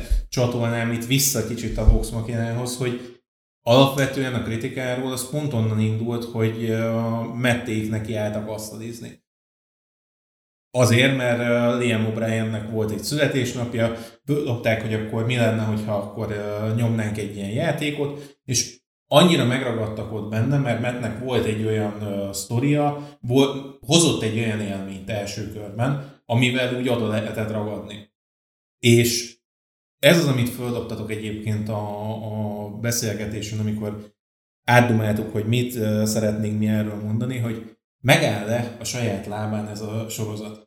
Hogy megáll-e a lábán a Vox Machina akkor, hogyha kiveszed mögül a teljes, a teljes Kritikáról, rajongóbázist. rajongóbázist. És erre mondtam én azt, valga módon, hogy fasság maga a kérdés is, és aztán rájöttem szerintem tegnap vagy tegnap előtt, hogy valószínűleg itt a, a különbség a között, vagy abban van, hogy ki hogy értelmezi azt, hogy megáll. Mert szerintem a sorozat a kritikáról nélkül ugyanígy megállna. De nagyon nem lenne ekkora siker. És a kettő között az a, a különbség, Igen, hogy én amikor, én amikor azt mondom, hogy, hogy nem állna meg a saját lábán a sorozat, az az, amit megnézel, és így nem érted, hogyha nem láttad a kritikáról a mit tudom én hány részét, most már három évadnyi négy és fél órás, meg kettő és fél órás, meg három órás hosszú streamjeit, az első kampány 114 rész. A második 141. És ilyen hosszúságokban mennek. Brutális azt követni. Tehát azt tudni, hogy mi van abban a, a szériában, mi történik azokon az asztalizásokon, az egy iszonyat teljesítmény. És ha ezt nem ismered, akkor a sorozat összedől. Tehát, hogyha nincs meg ez a háttértudásod, élvezhetetlen számodra. Nálam ez jelenti azt, hogy nem áll meg a saját lábán. Szerintem megáll a saját lábán, de az tény is való, hogy közel sem lenne ennyire sikeres. Szerintem itt az volt, az, hogy amikor felvetettek ezt a kérdést, akkor nálad egyrészt mivel te kettőnk közül te, vagy három közül te kötődsz a legmélyebben Igen. a szerepjátékhoz, ez egy picit támadó kérdésnek vetted. Lehet egyébként. És egy picit szerintem személyesebbre vetted ennél, hogy megvéded azt, mert egy picit a saját kötődésed volt hozzá. Benne lehet ez is. ö, De viszont én, tehát nekem az is benne volt ebbe az egészben, hogy alapvetően a mi részünkről lehet, hogy picit túl provokatívan is tettük fel a kérdést, mert alapvetően nem azt akartuk ezzel mi ott mondani, hogy, hogy nem, nem áll meg, ez egy szar, hanem, hanem csak felvetettünk egy kérdést, amiben benne van a vá- nincs benne az a válasz, hogy, hogy nem, ez nem áll meg a lábán, hanem, hanem ez egy terepet próbáltunk arra adni, hogy jó, akkor beszéljük meg, hogy igen, és akkor hogy áll meg. De beszélhetünk amúgy, mert szerintem alapvetően ez a kérdés nem, nem azzal jár, tehát ezt piaci alapon vizsgáltuk ezt, amikor szerintem Igen. ezt, amikor ez feljött. Tehát nem minőség Tehát ugye alapvetően az, hogy a kritikádolnak van egy nem tudom hány milliós bázisa, egy, ugye a Twitch-en az egyik legnépszerűbb. 9 milliót gyűjtenek be évente Twitch-en az előfizetésekből, maga a kampány, mert ugye ezt egy Kickstarteres kampányjal kezdték el a, a Vox Machinát, 11 millióval zárt. Úgyhogy 700 dollárral, ami Igen. 4 milliárd De. 300 millió forint. Erre rájött, hogy először ugye fándolták azt, tehát támogatókat gyűjtöttek arra, hogy ez a Szíria elinduljon egyáltalán, hogy nagyon gyorsan, nagyon nagy számban. Ugye igazából csak egy Igen, pilot volt. Igen, egy kis vonat, mert erre majd vissza akarok térni. Jó. És ugye alapvetően, amikor ez összegyűlt a lóvé viszonylag gyorsan, ugye elmentek az Amazonhoz, és ugye a Prime-on, ugye most, ugye most már megtekintettük már tavaly óta, vagy nem éveleje óta, bocsánat. Igen. És ugye arra akartunk kitérni ezzel a kérdéssel, hogy ha ez az egész nincsen, tehát ez semmiből jön, ez valakinek a vázlata, be, bedolnyol bele az Amazonhoz, és azt mondják el, hogy ezt megveszük-e vagy sem. Ugye itt kisebb az esély, minőségileg ugyanaz. Tehát ez semmit nem von le abból, hogy ez egy jó sori. Tehát ezt Igen. tisztázok le már most is. Tehát ez egy nézhető, nagyon jó kis uh, animációs dark fantasy sorozat. Igen. És szerintem annak nagyon Igen. jó. Ugye, ami nagyon a D&D alapú, de igazából nem az a világ, mert a Dorei az metté gyakorlatilag. Tehát Igen. ő alkotta meg az asztalihoz. Igen, meg egy kicsit azért itt a jogokkal csinyán bánnak, mert ugye a, a neveken van. Wizards of the Coast miatt ugye, ugye alapvetően azokat a neveket nem használhatják, ami ugye a szerzői jog miatt az övé. Tehát alap például Veknát nem lehet használni, mert nincs föl. Tehát, és ez tök érdekes, mert ugye a Netflixnek például volt elég pénze rá, hogy megvegye ugye a Stranger Things-hez a Vecna nevét, mert alapvetően ők se használhatnák, hogyha Igen. nem egyeztek volna ki a VOT-val, hogy, hogy akkor szeretnénk a mi lényünkhöz használni, mert ugye ott alapvetően tehát és ott alapvetően nem is, úgy, nem is egy az egyben ugyanaz a karakter, hanem az, ezeknek a megnevezéseknek, meg magyarázatoknak, ugye a DNT-n keresztül az a funkciója, hogy az átlag egyszeri birka néző is megértse azt, hogy mi ez a karakter, valamivel tudja azonosítani, valahogy meg tudja nevezni, és valami képességet hozzá tudjon csatolni, hogy igen, ez ez a karakter. Így, tehát, hogy mit, tudom én, ha jönne egy új név, és elnevezném Pötyinek, akkor úristen jön a Pötyi, és akkor már tudod, hogy mi az. Tehát tudod, de a Disneynél volt ez, amikor kijött annó a Lion King, tehát az oroszlán király, hogy a Hakuna Matátát le akarta védetni a Disney. Az egy létező nyelven, egy létező mondat, hogy az élet szép.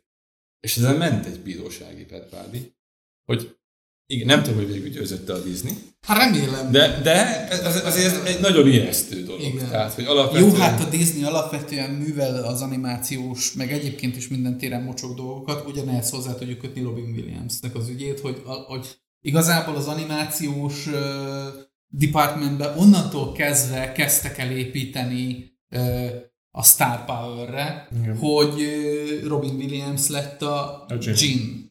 És ő, a, tehát nekik szerződésben ki is volt kötve, hogy ő nem szeretné azt, hogy, hogy az ő neve, tehát a, a promo anyagban nem szeretné, hogy az ő nevével adják el a cuccot, pontosan azért, hogy ne a munkája, illetve a többiek munkáját elnyomja az a fajta extra info, amit, amit ők ezzel beleadnak. És ugye ezt a Disney megszegte, és akkor onnantól kezdve lett a pereskedés, és onnantól indult az, hogy az összes Disney animációban mindenben onnantól kezdve, hogy úristen ezt a karaktert ezt szinkronizálja. Igen. Ami alapvetően egy picit fura, mert szerintem, és bár már nem vagyok kapcsolatban például a mai fiatal generációval, tehát lehet, hogy hülyeséget mondok, szerintem annyira ez még a gyerekeknek nem számít. Bizonyos korosztályig. Érted, értelek, tehát érted, értem, amit ebből ki akarsz hozni, de alapvetően Szerintem vissza, visszacsatolhatnánk egy pillanatra arra a pontra, hogy még mindig ott tartunk, igazából azt a kérdést járjuk körbe, hogy ez a Szíria, ugye ha nincs mögötte a támogatói bázis, hogyan fut, futott volna ki. Mm. Ugye ezt tudjuk, hogy amikor lement februárban vagy március elején, ez ugye a top 5, top 10 legnézettebb sori volt, sőt azt hiszem top 3-as volt a premier idején. Tehát ez egy nagyon nagy felvevő bázis, ami fogyasztotta. Az Amazonnak ugye Amerikában nagyon népszerű platform, tehát hogy Európában még annyira nem is, de nézik. Igen. És ugye érdekes kérdés az, hogyha ugye semmiből felbukkan egy fantasy szíria, most legyünk őszinték, abból van ezer. Igen. Kisebb, nagyobb minőségben, animációsban meg pláne ott el lehet veszni még az anime világában is, amitől a Vox amúgy sem áll messze. Igen. Mondjuk ez nem véletlen nyilván, mert ők azért, mert ugye a szereplőgárda ugye mivel szinkronizálnak, ezért egy részük elég erősen jön a, tehát baromi sok animét szinkronizáltak. Igen. És alapvetően azt is megértem, tehát, hogy ha ezt a választ elő, előre akarjuk hozni, az a válasz, hogy megállna. Az, hogy hol lenne ez a piaci szinten, tehát ez mennyire lenne hosszú távon rentábilis, az egy másik kérdés.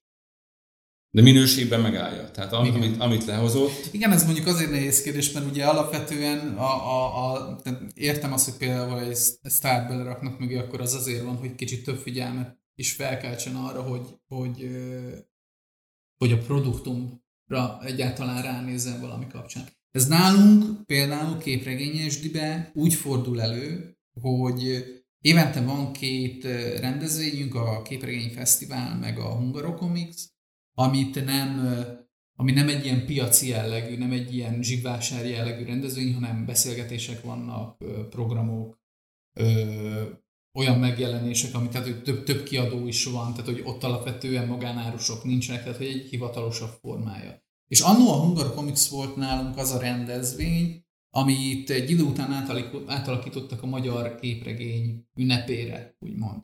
És nyilván egy sokkal kisebb valami volt, mert annyira szubkultúra nálunk az, hogy magyar képregényesnek a magyar munkáját olvas, hogy egy idő után felvetődött az, hogy de azért hozzuk be például, decemberre jön ki a Black Sad-nek a legújabb kötete. Miért ne jelenhetne meg egy-két külföldi cucc a, a, a Hungarokomixon is? És jöttek erre olyan reakciók, hogy de hát akkor izé elveszik a figyelmet, és ha belegondol az ember, ez egy annyira ez nem igaz ez a reakció. Tehát, hogy ha belegondolsz abba, akkor tehát alapvetően azok az emberek, akik azokat a dolgokat nézik meg, amiket így primér módon éri őket, ők nem fognak utána nézni és utána keresni a szubkultúrának a kisebb részének alapból se. Tehát ahhoz, hogy fölhívd a figyelmet rá, hogy te itt van egyébként bármi jobb is, a, alapvetően kénytelen kelletlen ilyen trükköket kell alkalmazni, hogy itt van ez a nagy dolog, itt van ez a, ez a dolog, amit már ismersz, és ez kötődik ahhoz, ami itt van mellette. Az a kisebb dolog, amit egyébként nem vennél észre, hogyha a nagyobb nincs ott. Tehát lefordítom, amikor bejöttek hozzánk Hungarocomicsra, akkor ugye alapvetően a nagy, a nagy Marvel kötetér jöttek be, meg a Black Set-hez. De mivel ott voltunk mi is a kisebb pújjainkkal, volt arra esély, hogy az az ember, aki egyébként nem jött volna be hozzánk, de bejött amiatt, szétnézzen ott is, és esetleg meglássa azt, hogy á, hogy ilyen is van. Jé, ez pont érdekel, belenézek, oké, ezt megveszem, köszi. Tehát, hogy alapvetően pont nem hátráltatja ez, hanem segíti. Meg alapvetően most igazából közben, hogy itt beszéltél, gyakorlatilag szerintem feljött alapvetően az az, a, az asszociáció ez az egészen kapcsolatban, hogy a Vox igazából amint kijött Amazon a saját lábánál. Nem, Igen. nem kapaszkodik a kampányokba. Igen. Tehát ez teljesen egy önálló mű akar lenni, de én és az így is készült el szerintem. De én azt is gondolom, hogy egyébként a közönség, annak ellenére, hogy... Finanszírozásba kellett. Finanszírozásba kellett, de annak ellenére, hogy a közönség, hogy úgy vagyunk vele, hogy a, főleg a közönség viszi, főleg a közönség is az, aki egyébként tud segíteni abba, ez a Marvel betegség, tud segíteni abba, hogy egy külső ember beintegráljon. Tehát, hogy nem gatekeeping legyen, hanem hogy pont az, hogy mivel én már tudom, ismerem, és ő érdeklődik, ezért nyitok felé, hogy jó, ez így működik, és ez ezért van. Alapvetően én például a Marvelnál látom ezt, és például magamon is tapasztaltam, és baromi sokat foglalkoztam is emiatt vele, hogy egy időben rendszeresen, amikor beelmentünk moziba megnézni Marvel filmet, és még szerettem őket, akkor, akkor úgy, úgy, úgy, úgy a kis geekénem úgy, úgy, úgy néha föllázadt, hogy, hogy ó, de hát itt magyarázza, hogy az melyik karakter, mint amikor csak a filmet látja először, és utána döbbenek rá, hogy egyébként őket nem elüldözni kéne, mert valójában lehet, hogy érdekli a karakter, és annak ellenére, hogy csak a filmet látta, jó pár közülük, lehet, hogy még hogyha szereti is a karaktert, nyitott arra, hogy egyébként ezt a rajongóbázist éltesse azáltal, hogy elmegy, és megvesz egy kötetet, elolvassa, és még lehet, hogy be is jön neki. Lehet, hogy olyan szintű kommunikáció nem lesz köztünk, hogy ú, emlékszel, amikor a Brian Michael Bendisnek a Daredevil, a nem tudom, hanyadik rész, amikor a Guardian Devil volt, és akkor abban a Karen ugye izé bedrogozta magát, és a töttörötötöre sára, ilyen szintű pofázások nyilván nem lesznek, de közö, van, lenne egy közös pontunk ezekkel az emberekkel, amit mind a ketten szeretünk, és mind a ketten élvezünk, és egy közösségi ö, helyzetet ki tudunk alakítani, egy kommunikációt, egyfajta kapcsolatot. De ehhez szükséges az, hogy a rajongó ugye ne zárkózzon el. Tehát ebben az egészben a kritikálónak a közönsége a szorgos hangja, Igen. Ami becsatornázza gyakorlatilag az új Igen. nézőt. Én úgy gondolom, hogy egyébként ez még úgy, ilyen szempontból még plusz is. Mondjuk azért ahhoz uh, hozzátartozik az igazsághoz, hogy ahhoz azért kellett egy erős purgálás abban a, a közösségben. Magának a Ez közösségnek kellett saját Ez magából kipurgálnia azokat az embereket, akik viszont pont az ellenkező oldal, Igen. hogy de hát miért így ö, játszátok, meg miért ezt csináljátok, mint amit Matt Colville-éknél csináltak, hogy hát miért nem úgy csináljátok, mint, Mint a a kritikáról. kritikáról. És Matt Colville-ék megmondták, hogy azért, mert nem mi vagyunk a kritikáról, az meg. Tehát ennyire nagyon És egyszerű. hogyha ez nem érdekel, akkor menjen nézzék kritikáról, Akkor ott van minket az meg a- fog találni az a közönség, akiket ez fog érdekelni. Igen, igen. És ez is egyébként egy nagyon nehéz Ez egy dolog. hamis képzettársítás szerintem alapvetően az, hogy a kritikádot határozzuk meg a legjobb asztalinak. Ez egy mesélő fejében egy olyan tévképzet gyakorlatilag, hogy ez, a, ez az a minőségi mérce, ami ezt magamat mérnem kell. Nem kell, szinkronszínészektől beszélünk, előadó művészektől beszélünk, Egy akik, akik tudják, hogy hogyan kell egy sót működtetni, és megint más, tehát hogy az is térjünk ki, hogy mondjuk amit én mesélek, vagy színász mesél asztalit, az teljesen más egy külső fülnek, mint amit mondjuk Ahogy- csinálnak. igen. És ez normális, tehát mert mi nem a sóra megyünk, mi a játékosainkat szórakoztatjuk, nem azt, aki kívülről bejön is. Tehát ez egy teljesen másik, másik formátum, ez valahol show ellenként működik. Igen. So, sok mindent egyébként el lehet tanulni Mettéktől, de arra építeni az, az, az gyakorlatilag lehetetlen. Tehát nem tudsz arra építeni, amit profi szinkron színészek letolnak, mert nem vagy profi szinkron színészet, ilyen rohadt egyszerű a, a megfejtés, hogy te nem az az ember vagy. Még hogyha egyébként vannak is ilyen, uh, ilyen uh, indítatásai, szeretnél ezzel foglalkozni, akkor, amikor elkezded a mesélést, nagyon kevesen olyanok, akik, akik uh, eleve sztori mesélési háttérből jönnek, eleve egy előadói háttérből jönnek, tehát hogy ez a, ez a háttér, ami ott van a, a kritikárólnak a csapata mögött, az nagyon meglátszik. De pontosan abban látszik meg, hogy ők nagyon sokszor sót csinálnak. Nem, ö, nem magát a játéket ö, közvetítik, hanem, hanem ki ö, szólogatnak olyan szempontból a, a nézőnek, hogy igen, tudjuk, hogy ti ezt nézitek, tudjuk, hogy ennek a, a történetnek akkor van egy, egy néző számára könnyedén befogadható értéke, hogyha ha csináljuk a, a show elemeket. Tök, és tök érdekes, mert alapvetően általában az ember, hogyha performatív ö, dolgokat néz, akkor rögtön ö, filmes Igen. szemmel néz. És alapvetően például a kritikáról sokkal inkább közelít színház felől. Egy másfajta szemlélettel a, a filmeshez képest viszonylag. Tehát sokkal inkább, tehát hajlamosabbak belemenni olyan fa- fajta manírosabb dolgokba, olyan fajta előadásmódokba, olyan fajta dolgok bemutatásába, ami moziba vagy a filmkultúrában nem úgy működne, mint ahogy megteszik. Tehát a Liam O'Briennek a karakterjei rendszeresen annyira eltúlzottak, hogy tehát nagyon érződik rajta, hogy honnan jön a, színi, a színházi oldal. És ehhez, ahhoz, hogy ez működjön, és legyen egy ilyen bázis, ehhez hozzá kellett szokni a közönségnek, vagy, vagy, vagy alapvetően rögtön egy ilyen igényel álltak hozzá, hogy ú, igen, ez, ez a karakter, ez így, ez így kell, és kérem. Tehát, és alapvetően például ez az, ami a, a, tehát a mették, a, a, a evil Igen. különbözik, mert ők ugye alapvetően játékosok. Mettnek pedig alapvetően az a lényege, tehát ő azért kezdte el ugye a chain például, mert azon keresztül beszerette volna azt mutatni, hogy hogy lehet úgy felépíteni egy játékot, hogy nem építesz fel mögé hozzá egy baromi nagy lort, hanem a színfalak mögött fölépítesz annyit, hogy az a hatalmas dolog, az tényleg egy hatalmas dolognak látszódjon, vagy az a világ annyira működjön, amennyire kell, és egy olyan össze- összetett dolognak látszódjon, amennyire kifele az látszódott, de valójában egy csomó minden, hogyha benézel a színfalak mögé, akkor meglátod, hogy az az óriás valójában három hermelin tartja. De ez alapvetően elmondható így az egész asztali szerepjátékos kultúráról, hogy igazából mint mesélő, tehát hogy, hogy jártok egy hatalmas nagy világban, tehát bármit ide lehet képzelni, de alapvetően, hogy mentek valahova, senkinek nincs, tehát nincs olyan mesél, de remélem, hogy nincsen, lehet, hogy aztán van kivétel, akinek ott van ilyen, nem tudom, kötek, Biztos, van. az, Találkoztam is velük, sőt, egy időben én hajtottam is erre, hogy legyen egy ilyen háttér. Nem, nem, nem tudsz vele mit kezdeni. Hosszú távon egyszerűen saját magadat vágod vele arcon.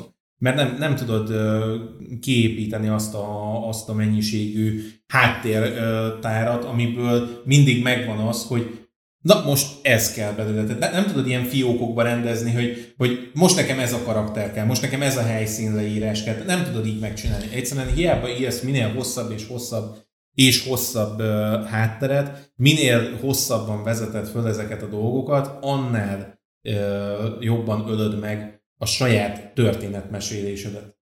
Mert ott vannak előre ö, készen a, a lórelemek, ott vannak előre készen a, a leírások, nincsen meglepetés a, Ezekből az születnek általában a Toxic TM sztorik, hogy csak és kizárólag erre akarta vinni a sztorit, és kényszerített, és a játékosok meg ugye játszani szerettek volna, meg a hasonló ilyen Igen, sztorik. igen. Egy picit visszacsatolnék még arra, hogy vajon megállja a helyét. A, ugye alapvetően az a Kickstarter kampány is azért indul, de előtt, előtt, először ők elmentek házalni stúdiókhoz.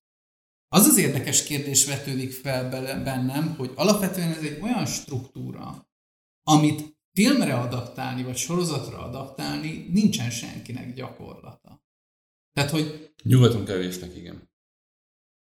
Volt egy keleti példánk, én oda a rossz címet mondtam neked, ugye a Localizing mondtam, az nem ez, az egy MMO-ra épül, de van ilyen. Mhm. Ezt biztosan tudom neked mondani, hogy van ilyen, sőt, még nem vette át azt sem, amit mondjuk a kritikáról csinált, ezt a maníros.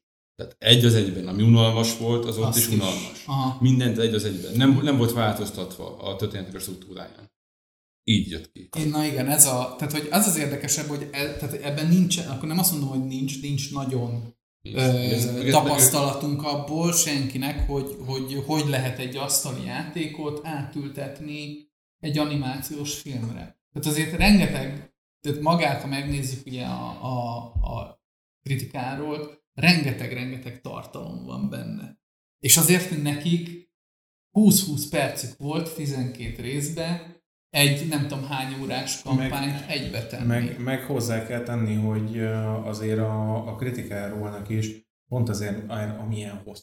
Tehát az, hogy három, két és fél óra, négy óra, négy és fél óra, azt hiszem van egy epizódjuk, ami öt teljes órán keresztül megy. Van olyan, ami ilyen 6-8, tehát a, a, a, a kampány, az első kampánynak a vége felé van olyan, hogy, hogy egy, egy csata két részen, Két keresztül, részen keresztül megy, és megy. mind a két rész legalább egy ilyen 6-6 órán. Igen, igen, tehát hogy, hogy iszonyatosan hosszúak azok a részek, és uh, van benne olyan helyzet is, amikor antitartalom van, amikor konkrétan a nagy büdös semmi történik, és olyankor azért úgy már én is úgy voltam vele, hogy jó, ekközben azért elkezdek átkapcsolgatni máshova, de lemaradok róla, tehát pont ez volt a legnagyobb bajom. Én ezért uh, szeretem nagyon a Voxot, tehát ez a, a úgymond az eszenciája annak, hogy én miért szerettem meg nagyon ezt a sorozatot, mert azt, amit 114 részben megpróbáltak ilyen nagyon hosszan végigdarálni, és ott ráadásul az első 27 rész az olyan, hogy azon, hogyha átlendülsz, akkor hős vagy. Igen, Mert az nagyon kemény, tehát az, az, az nagyon, egyrészt az elején nagyon unalmas tud lenni, a, ott még volt egy olyan játékosok, akivel, akivel nagyon, player. ne, nehéz volt együtt játszani. Egy, egy csomó olyan dolgot csináltak, ami egyszerűen baromira mutatja az ember. Azon a 27 részen átlendülni, hát az egy hősi munka. És onnantól kezdve indul el a, a jósága az egésznek, onnantól érdekes a, a sztori, és nekem ez a 27 rész, ez, ez kicsinálta az érdeklődésemet az első évaddal kapcsolatban, vagy az első kampányjal kapcsolatban, és összefoglalja nagyon szépen a, a Vox azt, hogy mi volt annak a, annak a kampánynak így az első sztoriszála. Az első nagyobb sztoriszála. Tehát ugye itt a Voxban... Tehát mi, aki láttuk, azért azt kijelenthetjük, hogy hangulatában, még ha nem is hoz mindent vissza, de hangulatában alapvetően, de azt a hangulatot, amit, amit az, a, az a kampány és az, azokat az érzéseket, amiket ott megkaptunk, az valamennyire visszahozza. Vissza, természetesen visszahozza. És amit, színász, amit igazából mondasz, hogy ami előnye a Voxnak, mondjuk az, a, magához a kampányokhoz képest, tehát az asztalihoz képest, gyakorlatilag az, hogy van vége. Igen, igen. Igen. Gyakorlatilag az, hogy van vége. Egyszerűen nincs az embernek kedve, vagy hogy mondjam, nem mindenki tudja azt megtenni, hogy négy órát rászánsz hetente minden csütörtökön arra, hogy te azt végigülöd, míg ha csúszol is vele, még, még nagyobb péntek hajnalban. Péntek hajnalban, igen. I- igen, mert ugye náluk csütörtök este megy, de az hozzánk már csak péntek Az hajnalban. péntek hajnal négytől, igen. Ez, ez azért szokott jó lenni, mert újabban ugye nyomják uh, Youtube-on is, és közvetítik ott is, és nagyon hamar rászoktam arra, hogy lenémítottam a Youtube-nak az értesítéseit, mert hajnalban az, azzal ébredtem, hogy uh, kritikáról elindította a live-ot.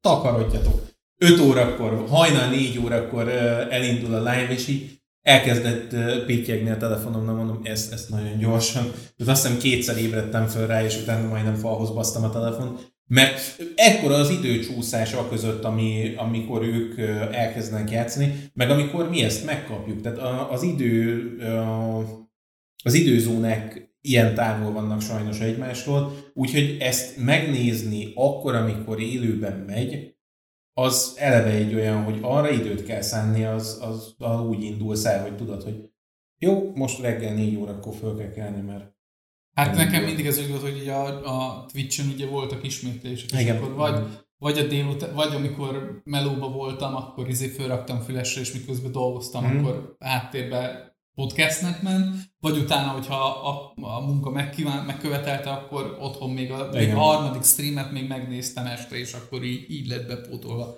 Mi az, ami ebből az adaptálásból szerintetek működik, és miért? Ami úgy tényleg így kiemelő, mire azt mondjátok, hogy ezek azok a pontok, ami miatt én nekem megmaradt ez a sorozat. Hát figyelj, szerintem sokkal inkább pontosan azért, mert tömör, meg mert van egy résznek vége. És nem egy négy órás dolgot nézel végig, hanem egy 20 perces dolgot. Sokkal tisztábban vannak megrajzolva a karaktereknek a körvonalai. Van olyan, akinél nem, de arra majd kitérünk. Meg vannak olyan karakterek, akiknek effektív azért van sztoria, mert a Vox csinált nekik egy sztorit, mert egyébként a kampányban nem annyira volt nekik. Vagy, vagy nem ilyen módon, vagy sokkal később. Tehát, hogy nagyon sok mindent belevittek itt a, a sorozatba, ami onnan, on- onnan kilógott sajnos. Mert nem tudtál mit csinálni a, a formátum miatt, nem mindig lehetett ezt megoldani. A másik, hogy a rohadt jók a karaktereik. Mi az, ami neked személyesen működött? Nekem személyesen, hát többször újra néztem. Első alkalommal rettenetesen működött Percy-nek a szála. Azt iszonyatosan jól megcsinálták, tehát, hogy az, az, azon látszik az, hogy azt akarták összerakni, hogy az a sztori működjön, és az a sztori az patentul helyén van. A másik, az amikor újra néztem első alkalom, Mi az, vagy második alkalommal, egy az... kicsit Percy-nél. Na, Mi az, ami működik neked benne? Mi az, ami megfogott benne, és mi az, amitől azt mondod, hogy ez erre emlékszel? Percy cool. Tehát, hogy egyszerűen erre, nem- tehát erre nem tudok jobbat mondani, meg nem tudom azt mondani, hogy most ezt ilyen, ilyen kritikusi szemmel megvizsgálom.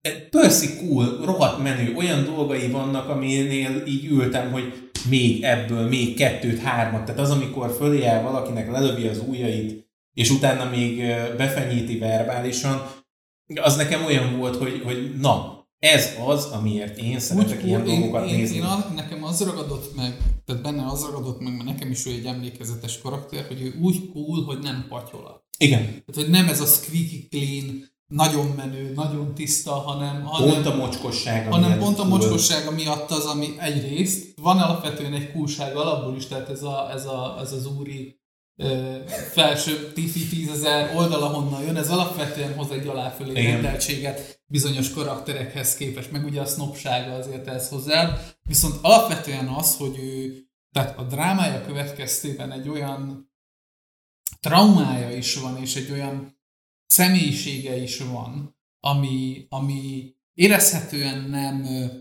tehát hogy mondjam, nem az van, hogy a protagonistád alapvetően egy paladin. Igen. Nem egy, és, és itt az amerikai kapitányféle paladinra gondolok, Igen. nem a Doomslayerre, ahogy hogy, tehát a protagonistád nem feltétlen patyolat tiszta jó. Bár egyébként azt hozzáteszem, hogy szerintem sorozaton, vagy ilyen film adaptációban a Doomslayer jellegű paladin sem működne. Pontosan azért, mert az meg a túloldala ugyanennek, tehát hogy nem patyolat, sőt, folyamatosan vérben földik, és elveszik közben az, hogy ő egy, ő egy értékelhető karakter. Elveszik a karaktere a, a figurának. A Doom az azért működik játékként, mert az, az játékra van kitalálva. Az nem arra van összerakva, hogy, hogy ezt a végignézd egy filmként. Az akkor működik, hogyha te bele tudod élni magad abba a cipőbe. Alapvetően ugye a főszálunk, ugye Percival az, hogy ugye ez a Briarwood ár, ugye alapvetően az, hogy ő egy nemesi családnak a, a, ez egyik utolsó leszármazottja ugye a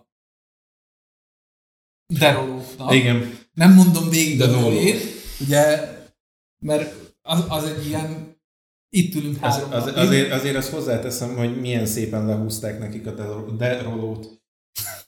Jaj. Ez, ez a, ez a poén, ez, ez ér, platina volt, igen. ez, ez a poén, ez érlelődik bennem egy ideje. És uh, hát ugye a sztorink az, hogy így lehúzzák ugye a derolót, ugye be, belép ugye a, a, a Briarwood házaspár, akik ugye úgymond egy ilyen tanácsadói ennek a, ennek a nagy nemesi családnak, és ők ö, kegyetlenül véres és brutális módon átveszik a hatalmat e fölött a család Igen. fölött, és e fölött a úgymond uradalom fölött, és az egyetlen túlélője, aki elmenekül ebből a helyzetből, az Percy.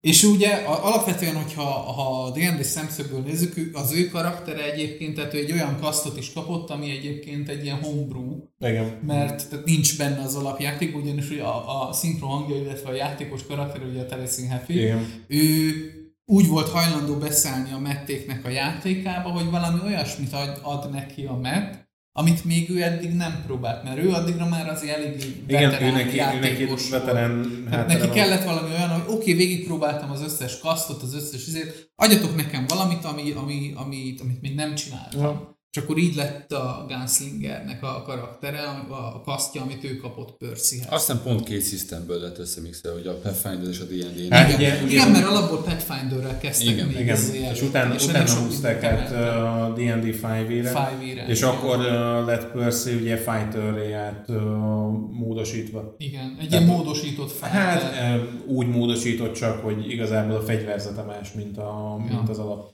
Hát meg annak a rendszere, hogy ki van alakítva, hogy, hogy mikor Nyilván, sül el, igen, mikor nyilván, nyilván. és akkor Az meg... első kampányban ugye Matt még mondja is, hogy azt még ő írta össze. Tehát Igen. ő, ő össze a skilleket, nem volt ilyen forrás. Most az, ugye az a kampány folyamán gondolom változott, és lett hozzá valami alapanyag, de a kezdetben igen ő írta hozzá. Percynek az a legerősebb pontja szerintem, és ez a mocskosságát és a, és a karakter fejlődését is ábrázolja, hogy ezt követően ő ugye alkut köt egy démonnal. És alapvetően ez nem egy túl protagonista ö, cselekedet. Nem, ö, az a helyzet, hogy Percy-nél nagyjából az az élményem, és Steff erősíts meg, hogyha igazat mondok, hogy ö, ő gyakorlatilag egy ilyen John Wick 0.5. Igen, és azért 0.5 ez a dobások szerint. Ö, Konkrétan. Azért, nem, azért nem lehet egész, igen. Igen, igen, de mondjuk azt hozzá kell tenni, hogy azt viszont nagyon szépen összerakták a, a mették, hogy látszódik az, hogy mikor dob valaki szart. Hogy melyik volt az a moment, amikor azért nem sikerült egy mozdulat, amit a karakter elkezdett, mert a játékos a szar dobott. És ezt szépen átvitték egyébként animációra is, Igen. hogy legalábbis nekem ö, gyakorlott szemű mesélőnek föltűntek ezek, hogy ez azért van itt, mert ott ez az ember hát alap- szar dobott. Igen, és az az érdekes, hogy hányféleképpen lehet ezt felhasználni sztori szempontjából, Igen. mert alapvetően például az ajtókkal való faszkodás inkább csak egy komikus elem. De például sok esetben eh, előfordul az, hogy amikor, a, amikor úgymond akciójelenet van, vagy valami dráma, egy szardobás dramaturgiailag is meg tudja határozni igen. a történetet. Tehát az, hogy Percynek elsül a fegyvere és nem tud lőni, az egy pillanat alatt megfordítja úgy az erőviszonyokat, hogy ó, az meg mi a fasz csináljak most Igen, akkor. igen. Illetve ugye például ez egy hosszabb távú személyes dráma, de kikinek az a fajta belső konfliktus, hogy ő vajon fel tud-e nőni arra a vezetői szerepre, ami ő, őt destinálják, az szintén ugye ezeknek a dobásoknak a következtében van dramatizálva. Tehát amikor ugye meg tudja csinálni a napfényt, vagy nem, az is ugyanúgy a játékban lezajlott, hogy akkor nem dobta meg. És nagyon jól látszik az, hogy igen, akkor nem volt megdobva az a kocka, és még nem volt, mit tudom én, level, azt hiszem Igen. 8-an voltak, vagy 6-on valahol. Ilyesmi. tehát az első kampányt level 6-nál kezdték, vagy 8-nál, és a második kampányt kezdték el nulláról egyesről. Igen. Tehát a, a, a, az előjátékot ugye úgy, otthon játszották Igen. Már a második kampánynál, és ugye egy level egyel kezdték a, a második kampányt. És nem is mentek el, tehát ugye az első kampányban ugye végig mennek level 20-ig, Igen. maxig kihúznak mindent, mert ugye alapból az a 115 részig eljutnak addig, viszont már a level 2-nél maximum azt hiszem csak 16-ig jutnak. Valami. Valahogy így.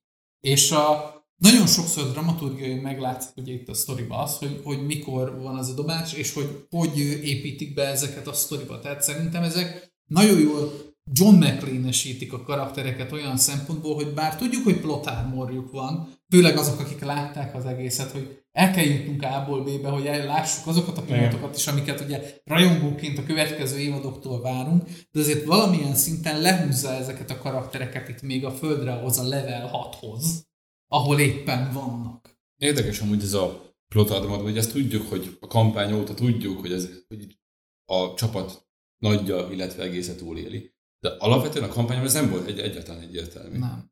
Tehát az egy nagyon, ne, nehéz, nagyon nehéz harcok voltak benne, ahol tényleg hogy mi- mindenkinek érted, benne volt az az iz, iz, izzadság szag, a levegőben. Egyszerűen, mert nem, nem alkotta könnyű a játékot, ő nem akart, hogy megismerd ezt, ezt a történetet. Akkor, ha képes vagy rá, akkor ismerd meg. És ez nagyon látszott. Az első kampány azért egy picit lineárisabb ö, ilyen tehát ott még inkább egy, egy sztorit mesélt, úgymond ilyen szempontból. Hát konkrétan Tehát az egy- Underdark szerintem egy jó példa. Abban voltak olyan kombatok pár így konkrétan, amik ne, egy az, hogy hosszúak voltak, de ott ilyen ugye alacsony életerőn, kúszva, épp hogy, ugye az a figuránk, aki kiesett, tehát ő már ugye a Vox Machinában nem szerepel, ugye ez Polarön okába bánnak a figurája, ugye ő egy az egyből elmenekült ebből a csak visszajött a végére, mint ha ott lett volna. mint ha ő és leadta. És ugye el is, el, elő is adta magát. Igen, de ugye ennek oka van, mert féltette a figuráját, hogy ő itt ki fog esni. És volt is rá oka.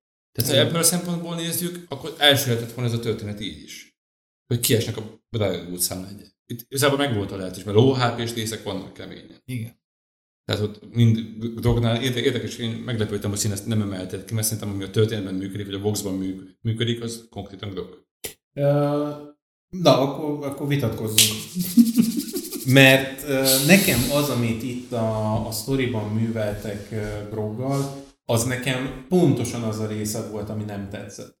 Mert ő egy ilyen nagyon egybites figurára lett rárakva, holott a kampányban egyáltalán nem volt ennyi, tehát nem volt ennyire kidomborítva, hogy ő egy ilyen nagy szeretni való melák, aki egyébként egy kétkezes baltával bármikor elmetszi a torkot. Tehát itt nem, nem ennyiből állt a karakter, ennél azért jóval több volt az ő figurája, és itt nagyon le van egyszerűsítve Grog, nagyon sokszor poénforrásnak van odarakva, ö, meg.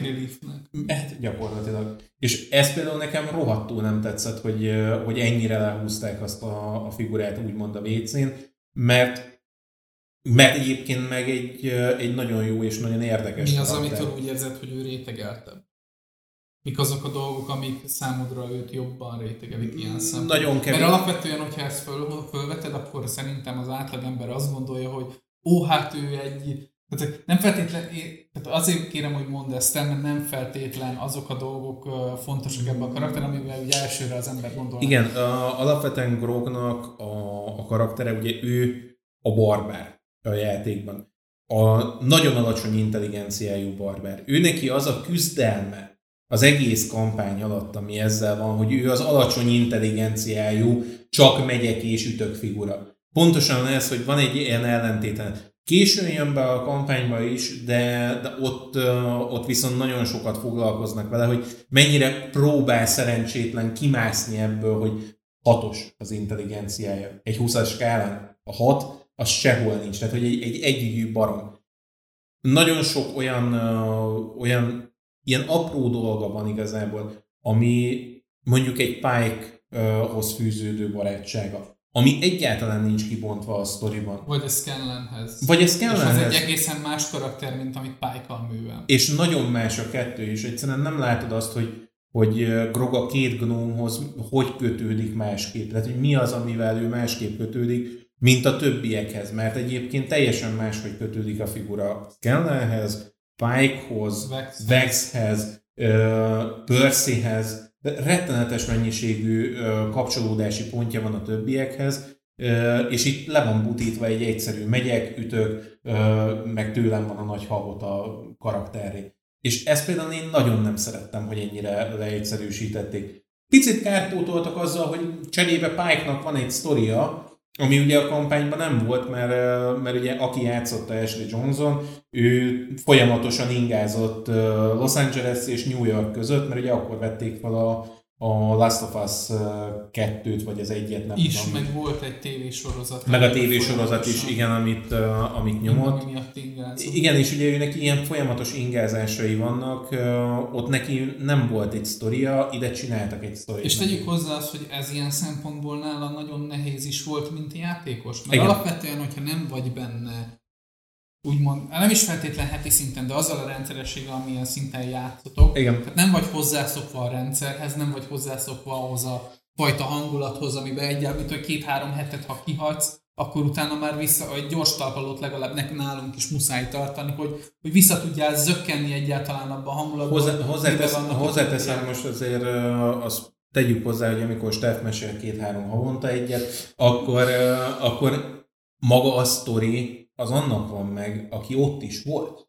Tehát, hogy nem, nem tudod, ö, még zanzásítva se tudod úgy előadni, hogy, hogy ugyanazt az élményt adja át, ami annak, aki ott ült azon a játékon. Kihagysz két-három ö, játékalkalmat egymás után, és teljesen máshol vagytok. Tehát, hogy az a, a mém, amikor, amikor Csávó megemeli a kaktuszt, hogy nincs idő elmagyarázni, ragadj egy kaktuszt, és megyünk és ütünk, és nem tudod, hogy kivel harcolsz, miért harcoltok, hol jártok a történetben, mi történt, mi történt a többiekkel. És nehezen is tudja így hozni azt a karaktert, Igen. mert fogalma sincs, hogy Igen. hol van, mit csinál, hol tart a történetben. Valószínűleg sehol, mert nem kezdtek addig vele nagyon És ez- és Remote-ba kontrollálták. Plusz erre még ugye az is lehetett, hogy sokszor például ugye bekapcsolták őt Skype-on Igen. keresztül, Igen. és teljesen más úgy játszani, mint amikor ott vagy asztalnál. Egyébként azt én egyszer szeretném elérni, hogy leüljünk, és tényleg egy asztalnál játszom ez a csapat, aki a fő kampányt viszi, mert nagyon kíváncsi lennék, hogy, hogy amikor személyes interakció van, akkor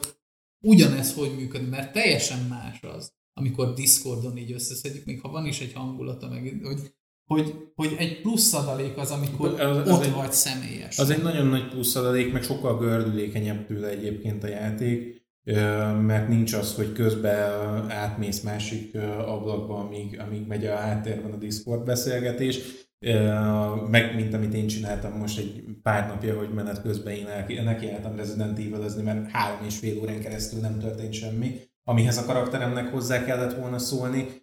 Egy asztalizásnál... Azt sok- tisztázom, ez nem az én mesém. Nem.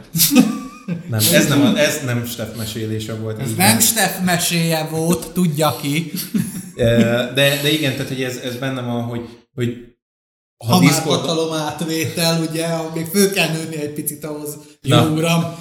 szóval, szóval a lényeg az, hogy nagyon tehát, tehát nagyon sok minden elveszik akkor, hogyha így online játszotok egymással. Most nem régiben volt egy olyan próbálkozásunk, hogy Wolf kint volt a Svédországban, mi négyen haverokkal összeültünk egy asztal köré, és így középre betettük a telefont, és kihangosítva bekapcsoltuk Wolfot a távolból. Brutálisan más úgy a játék. Tehát egyszerűen nem tudod követni se bírod azt, ami történik. Megszakad a vonal, nem hallasz mindent, elharapja a mikrofon a beszédet, és így ülsz, hogy megint most ugyanezt még egyszer el kell mondani, most ugyanezt a, a történetet újra elő kell adni, már nem üt másodjára ugyanúgy. És itt ez tökre szépen meg volt oldva, hogy mivel, hogy Ashleynek uh, ilyen problémák uh, voltak a játékhoz, ő neki csináltak ide egy sztori szállat. Kellett pontosan- is, mert a kampányban nem is nagyon volt ilyen szinten karaktere. Igen, igen, pontosan azért, hogy Pike így megmaradjon karakterként, ha nem csinálják ezt meg neki, akkor Pike gyakorlatilag fölösleges a, a szériában. Tehát nagyon szépen van átültetve. De mondom, Grog ezért nem tetszett. Érdekes az átkötés, mert ugye alapvetően Pike-tól, amit megtudunk, meg ugye a kapcsolatát Groggal, az én 17 epizódot láttam az első kampányból, ugye a kritikáló első évada Igen. gyakorlatilag. És abban nagyon későn mondják ezt el, hogy amúgy Pike és Grog között amúgy mi ez a kapocs, vagy miért, mi- miért hogyan mondjam, szorosabb úgymond, mint mindenki mással. És ugye kiderül a háttérből, hogy itt már volt egyszer, hogy meghalt, megmentette, feltámasztotta, megint meghalt, megint vissza. Itt semmilyen alapunk nem volt, és úgy Ez a csatlakoztam be. Ezt benne szerintem ebből. Azt hozza. Meg másrészt, de... tehát itt azért hozzá kell tenni azt, hogy ők ugye játszottak egy otthoni kört ezelőtt, és a Metnek ugye alapvetően az a stílusa, hogy két-három karakter már az, előjá, elő, az előjátékban ismeri egymást. Tehát, hogy van úgy, hogy egy-két session letolnak úgy, hogy ez a két karakter megismerkedik, és utána már ez a két karakter egy csapatként jön És ez egy be. lejátszott meccs volt, amiről beszélnek. Igen, igen, Hát igen. ugye azért Tehát, van hogy már hozzá... van egy személyes élményük, amivel már, már kötődnek egymáshoz a karakterek, és már egy hitelesebben tudják előbb, mert, mert az már megtörtént. Igen, És igen. ebből a szempontból nézem, akkor Grog legalábbis nálam működött. Azt, érz, azt értem, amit Színász mondta, hogy le van butítva. Groghoz képest is. Ezt aláírom, de ezzel nem tudok vitatkozni. Viszont az, az a része, hogy Grog megváltoztatva nem lett. De Nagy, ez, erős és megy, és csap, és ez, ez, Ott tény és, van. ez tény és való, meg azért Grognak azok a jelenetei rohadtul működnek, amikor hagyják elszabadulni a barbárt. Tehát amikor, amikor azt mondják, hogy itt egy fegyver, öcsém, menjél. Meg neki van egyfajta szélsősége a, a kampányba. Tehát nagy, egy, úgy, úgy értem, hogy szélsőséges, hogy tehát nagyon érdekes a kampányban az, hogy mindenki egyébként, és ez sztori mesélésben fontos, hogy ö, általában úgy ismersz, tehát mi, az, ugye alapvetően az, hogy történnek a karakterek dolgok, úgy ismered meg. A másik az, hogy általában a kötődési pontok úgy alakulnak ki, hogy egyik karakter hogy viszonyul a másikhoz. Tehát Grognál ugye ez nagyon fontos, mert más meghatározó eleme a, a kampányban nem, Nem is volt. volt. Tehát, hogy ő tényleg egy olyan fajta karakter volt, akinek a múltja egyébként tök lényegtelen ilyen szempontból, és szerintem az egész első kampányban az a rész volt a legkevésbé érdekesebb az Underdark után. Igen. Tehát amikor ő neki az ő múlt, mert az is egy ilyen comic relief jellegű volt valamilyen szinten, és igazából egy baromi nagy csata volt az egész, amikor az ő múltjával foglalkozunk a nagy kampány. szerintem ő Grog egy vicces kalapács, és az egész világ egy szeg. Igen. Igen. Igen, de emellett benne van az is, az Ezt is, hogy, mondtuk. de benne van az is, hogy, hogy tehát Pike-kal ő alapvetően egy, egy cuki karakter. Igen. Ami, ami egy olyan szélsősége ez a barbárhoz képest, ami szokatlan, és ez már rétegeli. Uh, Scanlannel egy baromira beteg karakter, de olyan szinten beteg, hogy, hogy tehát még az a, az, a, az a buta barbárhoz képest is egy, egy ilyen ijesztően beteg, de már az rétegeli, hogy ez például a Tracy Lingham úgy elő tudja adni, hogy ez komikus. Tehát az ő karaktereit alapból nagyon szeretem mind a három kampányban, mert neki, tehát látszik rajta, hogy ő alapvetően céltudatosan arra megy rá, hogy ezeket a maszkulin sztereotípiákat megpróbálja vagy rétegelni, vagy valamilyen szinten lebontani és újra felépíteni. Ez főleg a második kampányban nagyon erősen működik nála, mert ott a Warlock paladinja ugye Ford, ő nagyon ebbe a kategóriában működik. Tehát őt először úgy építette fel, hogy ő tipikusan ez a fajta, tehát hogy kifele egy ilyen nagyon maszkulin karakter, és hogy ő kemény, ő mindent kibír, és hogy egyre jobban ismertük meg, láttuk, hogy, hogy ez egy kifele mutatott kép, amit nagyon-nagyon nehezen tart meg. És az ő sztoria ez volt, hogy ezt elfogadja saját magába, és megmerje mutatni azt, hogy ez a, a többieknek, hogy ez alatt mi van. És az azért volt valami érdekes, mert először a, a többi játékos karakter emiatt el is vesztette felé a bizalmát. Mert mivel nem tud, mivel lát, itt-ott kitüremkedett egy-egy dolog, hogy várjál, ez nem úgy van, ahogy ő előadja, egy bizalmi ö, kapocs elkezdett feloldódni. Tehát, hogy elkezdtek távolodni a karakterek, mert azt hitték, hogy ő valami fajta olyan kamugép, akinek valami fajta célja van azáltal, hogy ő bead nekik valamit, és megpróbálja őket kihasználni. De valójában nem, mert csak és kizárólag a saját magával felépített bizonytalanságát próbálta leplezni ezáltal. És rengeteg-rengeteg ilyen dolog van. Tehát Grog is egy baromi egyszerű karakter, viszont minden kapcsolata minden egyes karakterrel más olyan aspektusát emelik ki, ami által ő egy olyan rétegelt karakter lesz, hogy és ráadásul nagyon szélsőséges minden irányba, ami szokatlan ebből a Szerintem karaktertípussal ha, ha őt kibontanánk amúgy, hogy amiatt, aki játszott, hát Travis Willingham miatt, ő amúgy egy támogató játékos. Tehát mesélőként egy áldás. Tehát az, hogy segíti A neked, izé hogy az egyik legjobb sztori, amikor Grokként mesél egy kampány. A, Az zseniális. ugye ez az, ami, ami viszont olyan, amire merem azt mondani, hogy szoktam mondani, hogy ha nagy leszek, Travis Willingham sze- szeretnék lenni. Mert az egy áldás, amikor egy olyan karakter, nem is egy olyan karakter, egy olyan játékos ül az asztalodnál, aki nem csak Support. figyel, de adja a labdát a többieknek, meg lecsapogatja azokat a labdákat, amiket te adsz neki, és így, bármit adsz neki, ő, ő azzal tud mit kezdeni. Nálunk a, a Discordon ilyen játékos Wolf.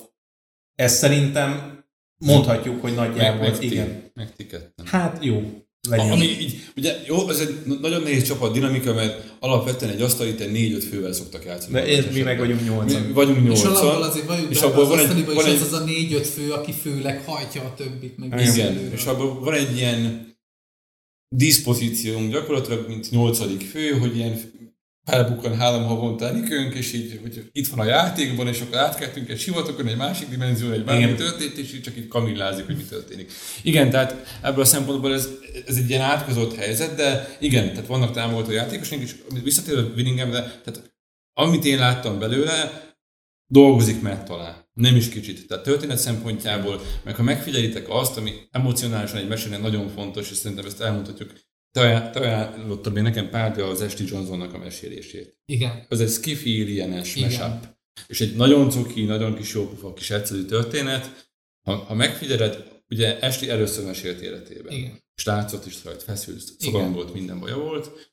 És ott Willingham volt, és Liam O'Brien volt az, aki folyamatosan Szokott. minden egyes másodpercben, ha volt egy levegővételnyi szünet, ők dicsérték, hogy milyen jó az a térkép, milyen jó az Igen, a ez nagyon jó ez a érdekes, mert sztori. egyébként ugye, mivel a Liam O'Brien vitte be őket ebbe az egészbe, ő az, aki egyáltalán viszi ezt a csapatot ilyen szempontból, hogy igen, de mesélj, igen, de... Tehát ő, ő, ő is, amikor elkezd, elkezdtek mesélni, akkor a lányának, meg a lányának két barátnőjének elkezdett mesélni egy kis kampányt, és akkor ő ezzel kezdte el tanulni ezt, és akkor utána jöttek be ezek a vansatok, amiben elkezdett mindenki mesélni. Én azt vettem észre az Esti Johnsonnál, hogy ő nagyon egy analitikus személyiség, egy úgymond egy viszonylag pragmatikusabb alkat, egy zárkózottabb, nyilván van egy művészi oldala is, de alapvetően ő szeret technikai dolgokról, matematikai oldalról megközelíteni dolgokat, és nála ezért a mesélésnek az a fele, ahol logisztikázni kell és működtetni a sztorit, az nála sokkal jobban ment, mint a többieknél,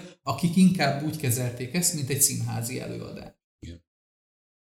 De visszakanyarodva ide a Voxhoz, Ha már picit, Johnson meg igen. Pálya. Meg Pike. Pike-nak a, a sztori az, az például pont egy olyan, hogy azt addig nem láttuk, amíg a le nem tolta nekünk ide. Érdekes, mert vissza is utal egyébként, tehát aki ismeri a karaktereket, vissza is utal egyébként Igen. Estinek a sztoriára. Igen. Meg másik, hogy azért Pike is úgy lett megcsinálva, hogy attól függetlenül, hogy ő a, a csapatnak a, a gyógyítója, ettől függetlenül egyébként a sorozat szempontjából egy bizonyos szempontból egy morális iránytű, amely morális iránytű egyébként így össze-vissza ugrál, mert nem tudja maga se, hogy merre akar elindulni, merre akar menni. Ez volt az, amit mondtunk, vagy amit beszéltetek is, hogy ezzel például ti tökre nem értetek egyet, vagy tökre nem ugyanazt láttátok bele. Ezt szívesen felhozom. De Ez egy tudom, nagyon jó téma. tudom hogy ezt szívesen felhozod, mindjárt vissza, föl is fogjuk hozni, hogy alapvetően ö, nem is Ashley-nek, hanem Pike-nak a, a döntései, amik ebben a, a szériában végigmennek, nekem például azok tök érdekesek voltak, mert nagyon sok ilyen, ilyen kimászunk a sötétségből sztorit láttam, nagyon kevés volt az a fajta, ahol, ahol ezt ennyire személyesre vették, mint nála. Ahol nem az volt a, Hát az meg- egésznek hát a megfejtése, hogy egy olyan határozott álláspontja van, ami így végletesen leteszi Igen, a voksát igen, valami felé, igen. ami, ami, nem, ami mentális, illetve pszichológiai szempontból nézve egyáltalán nem így működik az emberben, sőt, általában ez ront is a helyzeten. igen. Na, Steff, akkor hozd föl. Hát ugye Pálkunknak van egy ilyen identitásválsága, amit igazából a csapat vált nála ki. Mert ugye ő igazából gyakorlatilag egy Istennek a szolgálója, tehát egy pap pozíciót tölt be.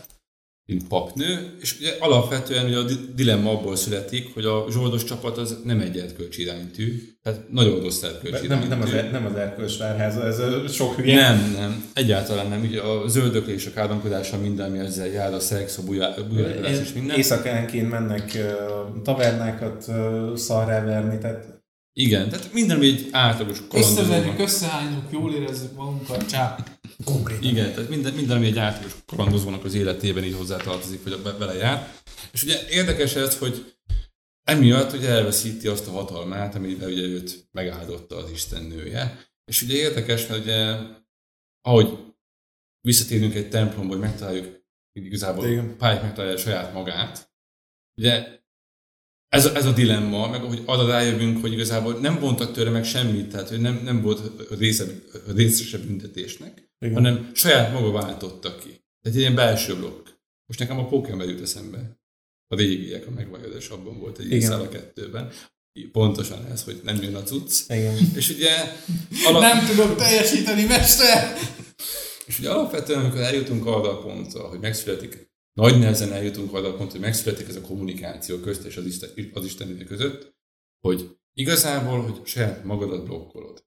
Ami egy tök érdekes, mert amúgy ez egy átélhető. Tehát a mindennapi életben ez egy felelhető dolog. Tehát minden, mindesünk át olyan hibákban. Igazából Főleg, főleg a művészember általában ezen átesik. nincs, nincs előttünk akkor, de mi vagyunk az akadály. hogy mennyire határozza meg a saját művészet és a saját kvalitása valójában az, hogy ő milyen ember, és erre rádöbbenni, hogy nem ennyire. Igen. Mondjuk Igen. azt, azt hozzádobnám, hogy ugye maga a Pike-nak az a, a sztoria intenzíven akkor indul el, amikor ugye ők először összevelekszenek a két Briarwood-dal. És ugye ott eltalálja valami mágia, és az, ami, amire azt hiszi, hogy az blokkolja ő neki a, a kapcsolatát az Istenével. Megrepett tőle a nyelv. Mert, meg, mert megrepett tőle a szent szimbólum, az amulett, ami a, a Istenéhez úgymond a kap, kapocs lenne. De egyébként igen, tehát nem egy, a kalandozó csapat az nem az erkölcsvárháza. Tehát ott, ott öldöklés megy, ott a taverna látogatás megy folyamatosan. Olyan, Dugás minden lukba mindenhol. Igen, igen. Mindenkivel. Igen, körülbelül. Ez nem idejön, azt hiszem, a mi csapatunktól sem. Mehet a fültém, akkor... igen. Igen, igen. De, de igen, Pike-nak az a, a sztoria, az ugye ebből indul el, hogy, hogy őt megsebzik egy csata alatt. Vagy mondjam azt, hogy Igen. És ugye ott ö, térünk rá, hogy, hogy igen, megkapja ezt az információt, illetve rájön arra az információra, hogy igazából ő blokkolja saját magát, és nem a, az Istene vette el tőle a, az erejét. És ugye ebből van neki egy döntése, ami fölötti nem értettetek egyet. Igen, és azóta újra is néztem még egyszer, tehát megcsináltuk az adást tüktöttel, beszéltünk arról, hogy nagyjából miket, miket fogunk érinteni ma. Ugye alapvetően ott feljött ez a kérdés, hogy ugye Pike-nak itt ebben a pi- pillanatban, a szenárióban ugye van egy párbeszéd az istennőjével, és megnyílik igazából két lehetséges útvonal. Az egyikben ott vannak a barátai, ott van maga a csapat, a Vox Mahina, a másikban pedig ugye, hát ez, ez, legalábbis, hogy, hogy én értelmezem, ez a szent pap életvitel. Tehát, hogy a papnőnek az alakja igen, van meg ott, és a többi ízének. Igen. És ugye, Minisztráns fiúkák, meg a többi. ugye amellett álltam ki, hogy igazából tök mindegy, hogy Pike hogyan dönt, mert hogy ez nem egy az, hogy nem végleges, tehát vissza tudsz térni, meg az, az Istennél azt is mondja, hogy sem, ugye te voltál a kiváltók annak, hogy neked nem rendelkeztél ezzel a hatalommal. Tehát gyakorlatilag, ha nem is tetszik, átmehetsz a másik útra. Tehát ha nem jön be a boxos életvitel, és még ott van. Tehát ez nem egy, nem egy életre szól, tehát mind változunk és haladunk. És ugye el is hangzik az Isten szájából, hogy ez nem döntés, hanem csak járunk az úton. És ugye elő volt egy nagyon érdekes vitánk, hogy hogyan értelmezzük azt, hogy itt igazából most akkor volt döntés, nem volt döntés, Szerintem... meg hogy van-e következménye. Igen, én abban maradtam, hogy szerintem nem volt döntés, mert, vagy hát volt döntés, de mind a kettőt választott. Pontosan. Én viszont azt hiszem, hogy nem. Mert ugye alapvetően, ha a Szent út megfelel mind a kettőnek, és ugye a csapathoz térünk vissza, tehát ez, ez, ez a végkifejlet ennek a történetszálnak, akkor itt eld, eld, ugye eldöntetette az, hogy a csapattal tartunk tovább. Mhm. És ezt ugye lehetett volna az, hogy a templomban imádkozunk, kiletünk végig, járunk, énekelünk, tonikázunk, meg lehetett volna ez, ez az út is, mert mind a kettő szent. És annyit mondod Isten, hogy járunk az úton. És igazából itt mi a döntés, hogy én ki vagyok? Ami, ami amúgy változhat is. Én ezzel nem értettem egyet, azon egyszerű oknál fogva, hogy Pike marad Kellerik karakter. Tehát, hogy ő használja ezt a képességet, és továbbra is tehát továbbra is folytatja ezt. Tehát, hogy ahhoz, hogy ez a képesség működjön, nyilván nem kell ehhez az, hogy hogy szent életet éljen, de valamilyen szinten gyakorolja ezt, hogy, hogy De itt a box működik a kampányban, kampányban egyetértenék veled. Mert ott voltak ilyen utalások arra, hogy fegyvertelen figurát ölt meg Pike. És ugye itt jöttek a víziók így a hullahegyektől, meg a csontoktól, meg minden itt az Underdark szállra Mm. gondolok. Ugye érdekes, hogy itt ilyen, ilyen, ilyen, ilyen nincs. Az Isten ki is mondja, hogy mind a két út lehet szent. Az az út lesz szent, amelyiken járni fogsz. És ameddig te önmagad vagy, és ez a kettő társul egymással, bármelyiken jár. Tehát nincs, ez a döntés nem születik meg. Fel se kínálom. Csak az a kérdés, hogy te ki vagy. mm, Legalábbis szerintem az én értelmezésem. Hát az én értelmezésem Ez- az, ez- az volt, hogy mind de érdekes, nagyon- nagyon tetszett ez Tehát a nekem, gondolat. úgy, nekem ez az egész úgy volt, hogy ugye akkor ott van az is, az, nekem, én abból indultam ki, hogy alapvetően mivel, mivel tehát ő, ő egy ilyen Deus Ex Machina megoldás a sztoriba, és akkor ugye csatolunk Vox Machinához. Deus Ex Machina megoldás, az Isten a gépből megoldás ő ebbe az egészbe, olyan szempontból, hogy uh, a kampányban erősebben itt azért kevésbé, tehát itt ebben a sztoriban nyilván, mivel Percynek a sztoria ezért a, a, rá, az ő karakterfejlődésére van a legvégére kihegyezve minden. De alapvetően egy, ő egyfajta Deus Ex Machina ebbe a sztoriba, hogy amikor végre rádöbben erre, akkor maximum full tudja használni a képességét. De, ha szimbolikát nézzük, ő nincs ott. Tehát ő ott van a templomba, és projektálja magát, mint egy isteni kép a másik helyszínre. Magyarán ott van a templomba és imádkozik, de ott van a másik helyen, és harcol is. Te itt ezt tovább viszed az interpretáció során. Én, én ezt nem látom, mert ez szinte csak, hogyan mondjam, a fantasy adta lehetőségekből ugrunk át ide. Volt itt egy fizikai távolság, amit ugye át kellett valahogy ugrani. Ashley Johnson aztán ekkor tért vissza, talán Skype-on. Skype-on volt. Tehát, Tehát, hogy- uh, igen, tehát ilyen menő még nem volt megcsinálva a Skype bejelentkezés, mint ahogy náluk. Ja. És ez igaz a kampányra is, meg igaz egyébként, ahogy a boxban megjelenítették. Magából ebből a vitátokból én kimaradtam már akkor is, amikor beszélgettetek róla. Itt csak és kizárólag az a döntés. És azt tök jól látja mind a kettőtök, hogy az a döntés, hogy ki vagy te. Ez a kérdés. Nem az a kérdés, hogy melyik utat járod, meg hogy melyik a szent út, meg melyik a nem szent út, meg hogy most mit választasz.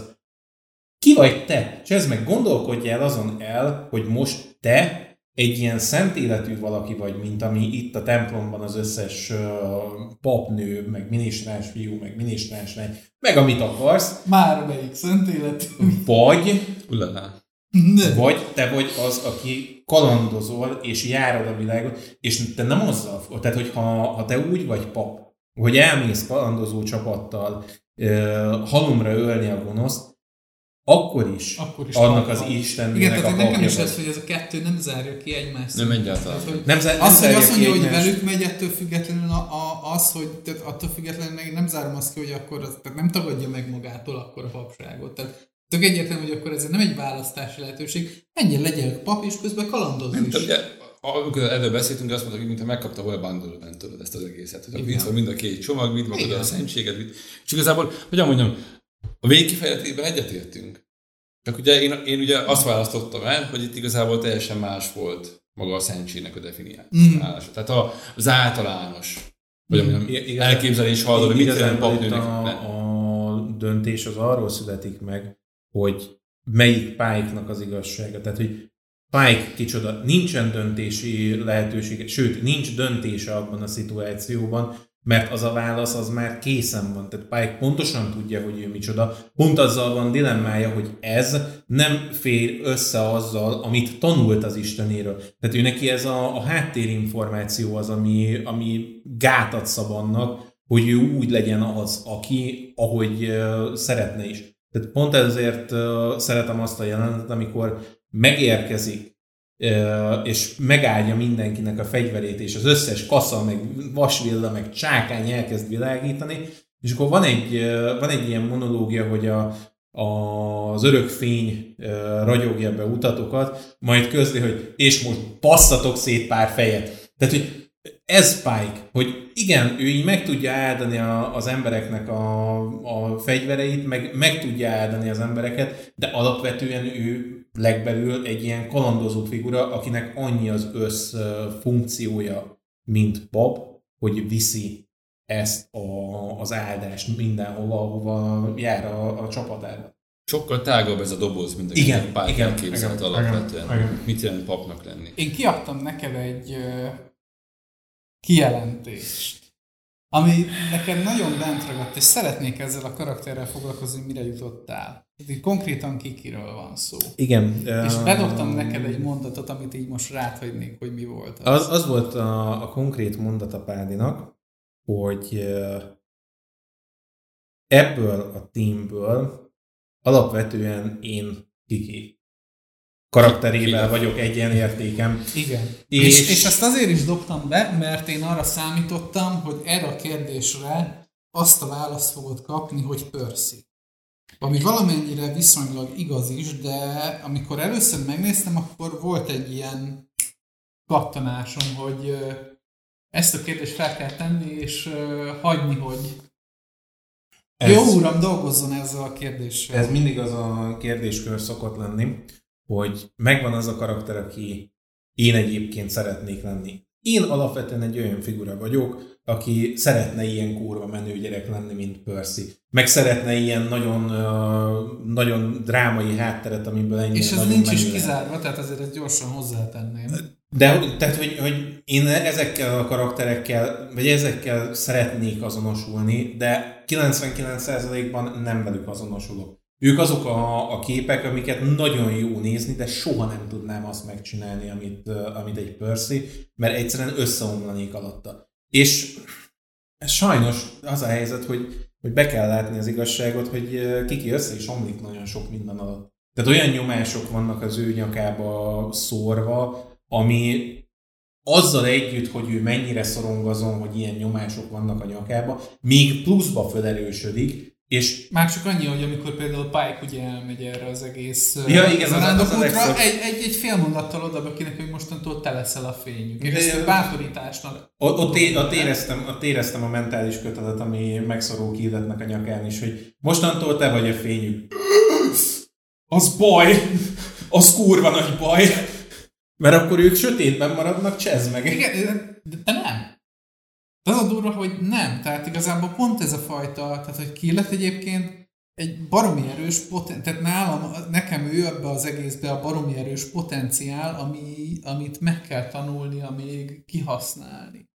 És ugye alapvetően, majd amikor nyilván minden egyes karakter, hogy haladnak előre az évadok, kicsit jobban elkezdenek Igen. foglalkozni velük, és kifejtik a sztoriát. Ne, neki csak egy fél mondata volt ebbe az évadban, ahol megemlítik, hogy ja, ő egyébként egy zarándok úton van, és úgy társult be hozzájuk, és el kell, be kell teljesíteni egy négy feladatot ahhoz, hogy, hogy a vezetője lehessen annak a népnek, ugye az erásáriknak, a, akiktől egyébként jön.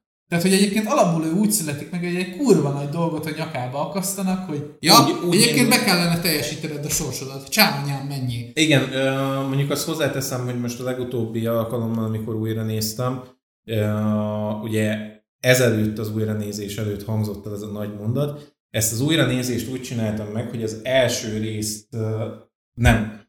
Az első két részt néztem meg egyedül, utána elindult a harmadik, és nagyjából valahol a felénél bejött a szobába madárka, és így nézte a monitort mellettem, mert hogy őnek is érdekes lett hirtelen ennyiben. Meg úgy mutogattam is, hogy mik vannak benne, hogy milyen menő cuccok vannak.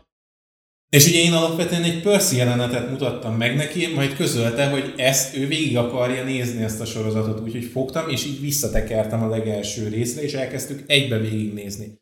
És amikor mondtam neki így nagyjából a második rész környékén, hogy, hogy te ezt mondtad nekem, így bökött rá minden egyes jelenetnél, amikor, amikor úgy érezte. És így... Imádlak madár, köszönöm. De tudod, hol éreztem leginkább, hogy, hogy így, így kiletnek az egyenértékén vagyok? Amikor mindenki elkezdi mesélni a legfurcsább gyilkolást.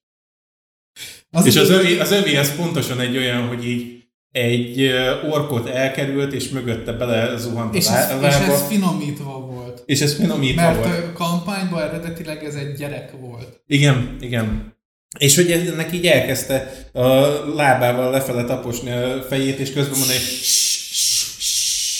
és így hirtelenjében mindenki egy picit összeakadt, hogy what? Értjük, értjük a legfurcsább gyilkolást, nem erre gondoltunk, nem ez volt a cél. Uh, igen, na ott, ott nagyon éreztem, az ott nagyon fájdalmas volt. De, de ja, tehát egyébként uh, kiletnek a sztoria mondjuk itt jobban ki van bontva, mint a, a kampánynak az elején. Tehát picivel többet haladtunk itt azért ezzel. Igen.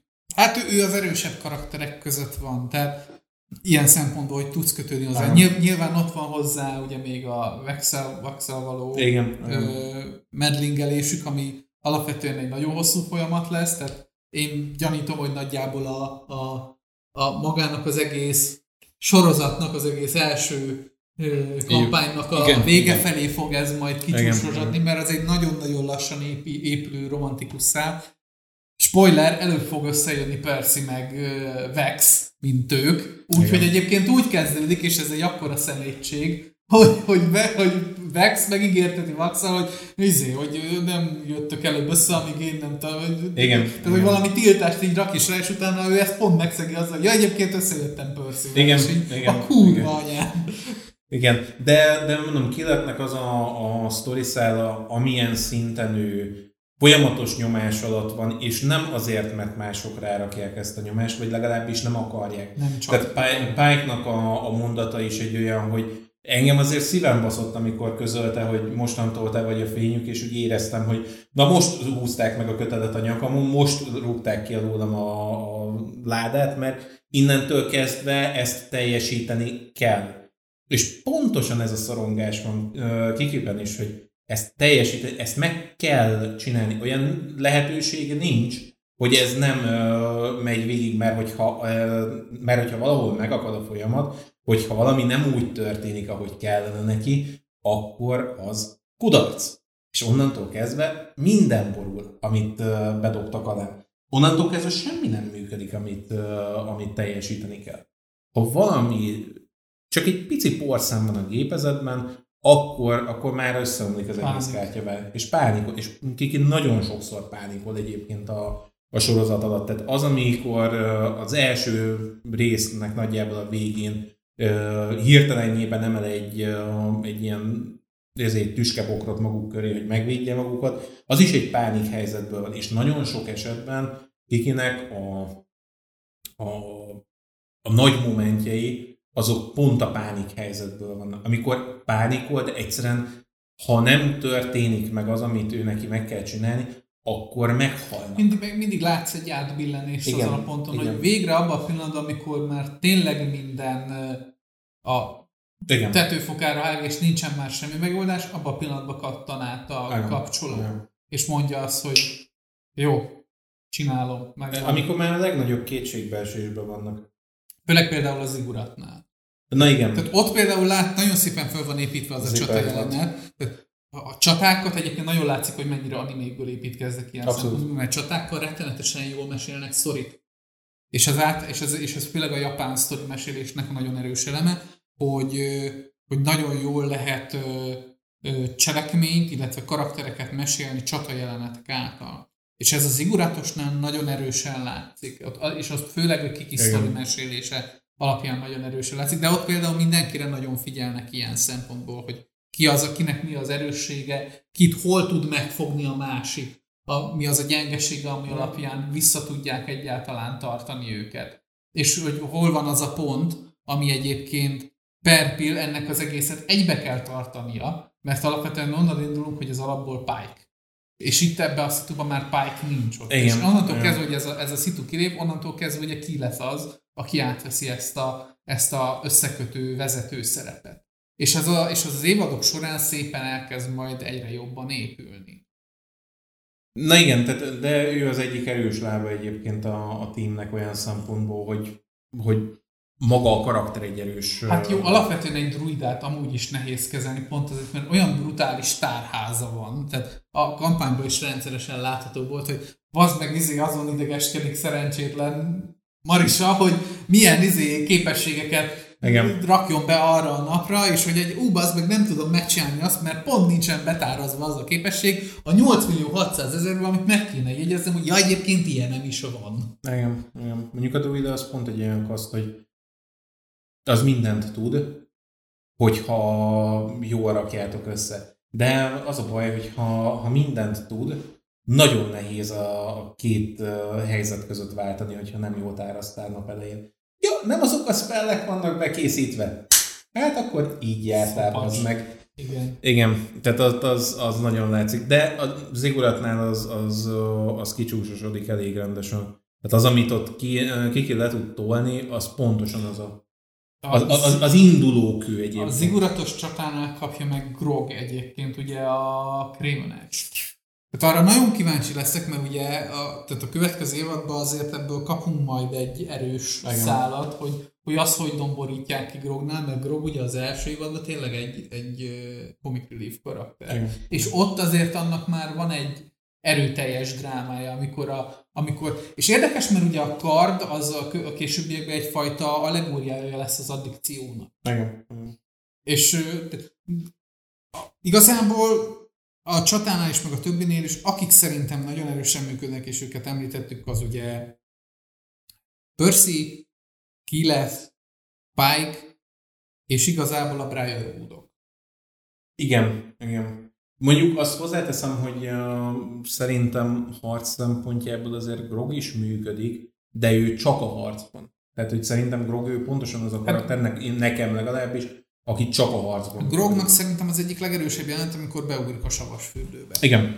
Tehát ott, ott kidomborodik az a fajta butasággal keveredett vakmerőség és elborult beteg agy, ami, ami úgy benne dolgozik egy negyed pillanatra, Igen. de ennyi. Tehát, hogy igazából karakterek szempontjából, akik ilyen téren nem működnek, és erre, erről veled sokat beszéltünk, az az ikrek.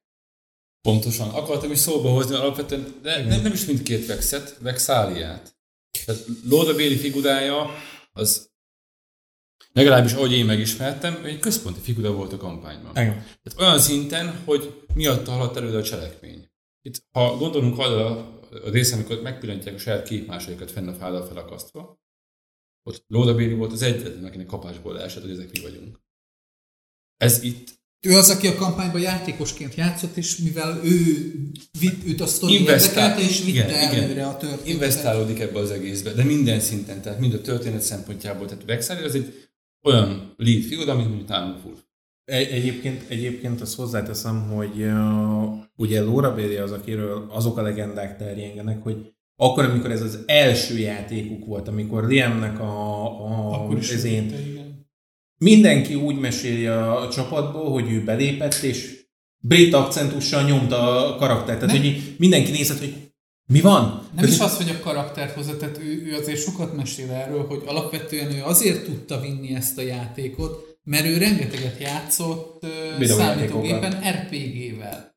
Alapvetően maga az, maga az, hogy szerepjáték, neki a technikai oldala megvan ilyen szempontból. Az, az hogy sztorit kell vinni, a karaktert építeni, az, hogy figyelni kell a jelekre, az, hogy meg kell fejteni. A, tehát, Igen. hogy érti azt a történet mesélési stílust, ahol nem fogják a szádba rágni azt, hogy mi a megoldás, hanem lerakják, le, lerakják eléd azokat a puzzle darabkákat, amiket, hogyha így elészolod, akkor megadod, hogy épp az meg ez egy zsiráf, jó van, akkor látod. És ő az, aki ezeket látja és kimondja ebbe a szituba. Igen, és itt a, a sorozatban egyáltalán nem. Ebbe, ebbe tök egyetértek. Szinte teljes egészében hiányzik az, hogy ő igazából azon kívül, hogy Vexet így dajkája oldalról, hogy ki lefel ez az egész, lehet, hogy nem fog működni, meg hogy a csapaton belül ez egy másik csapat a két vex. Tehát, hogy ez sokszor el van mondva, hogy mi összetartunk, és egy bármi kebasz van, akkor mi még mindig vagyunk egymásnak. Igen. És ezt A, az ő testvériség nagyon erősen. és próbálja megőrizni ezt a végéig. És ugye látja, hogy ez mivel jár, tehát hogy Vex mind megy át azzal, hogy ugye ki, ki ugye a végén visszautasítja, de ugye átmenetileg, de ő önmagában se a történethez Oké, ugye a, az akció részén még vitatkozhatunk, hogy tesz hozzá. Értem, jó, jó, ez, hát jó aki ez a... ismeri a sztorit, az tudja, hogy minimálisan egyébként tesz hozzá, mert ő az, aki egyébként Percyről leveszi a, a, a maszkot, és tehát dramaturgiai szempontból az egy fontos elem Percynek, hogy ő az, aki, és ez később fog majd kidoborodni nyilván, hogy ő az, aki kap, kötődik hozzá, hogy, hogy tegye le ezt a fajta ö, függőséget, ezt a fajta mérgező hozzáállást, ami a, az, a, magát a bosszút, hogy, hogy ez, ami, ami ő magát, önmagát is pusztítja, és ez ugye vizuálisan is nagyon szépen ö, mutatja a, a Pepperbox. Ugye maga az egy halállista. És ö, nagyon sok, és fölbukkannak olyan easter egyébként baromi jól kezelik az easter Fölbukkannak olyan easter egg is vizuálisan, például amikor előveszi a Pepperboxot, akkor mögötte a falon az árnyékába a Pepperboxot a fejéhez tartja az Igen. árnyék. És tehát, hogy tehát már ott vizualizálják azt, ami egyébként a kampányban szépen, viszonylag szépen ki volt fejtve, hogy egyébként ez a fajta alkohol, amit Percy kötött, ez, ez egy, ennek a legvége az, hogy ő, ő itt elkárhozik. Mivel ez egy démonnal köttetett alkú, tehát feláldoz egy rahedi lelket, majd, majd ennek következtében ő elveszti a saját lelkét, és feláldozza saját magát ő is ennek a lénynek, és így eh, terjed tovább ez a lény, hogy onnantól kezdve, hogy őt megette, megy tovább, keres mást, és köt egy másik alkut. Az érdekes, hogy ez nagyon passzívan van megmutatva. Igen. Tehát ez az alkuköttetés, ez nem egy olyan alkú, mint hogy Percy leült volna és idézett volna egy démont, akivel megkötteti ezt az alkut. Tehát ez nagyon passzívan van, hogy, hogy a szenvedély által, a bosszú iránti elköteleződés által. Igen, ez, kellettek ilyen megoldások a struktúra miatt. Tehát én, a, én most is azt mondom, hogy egyébként ami keretük volt erre, abba ezt viszonylag jól megoldották, de nem mondom azt, hogy egyébként nem viseltem volna el azt, hogyha úgy építik fel, mint mondjuk az árkény. Hogy kijön, oké, okay, 12 rész, de azok a részek 40 percesek. És föl van bontva három-három részes struktúrára, és ki van fejtve, mindegyik rá van, tehát mit tudom én, az első három rá van építve mondjuk Pike-ra, a, a, az izére, az egész izére, a második hármas föl van építve Keylethre, és a harmadik hármas föl van húzva Percy-re mondjuk.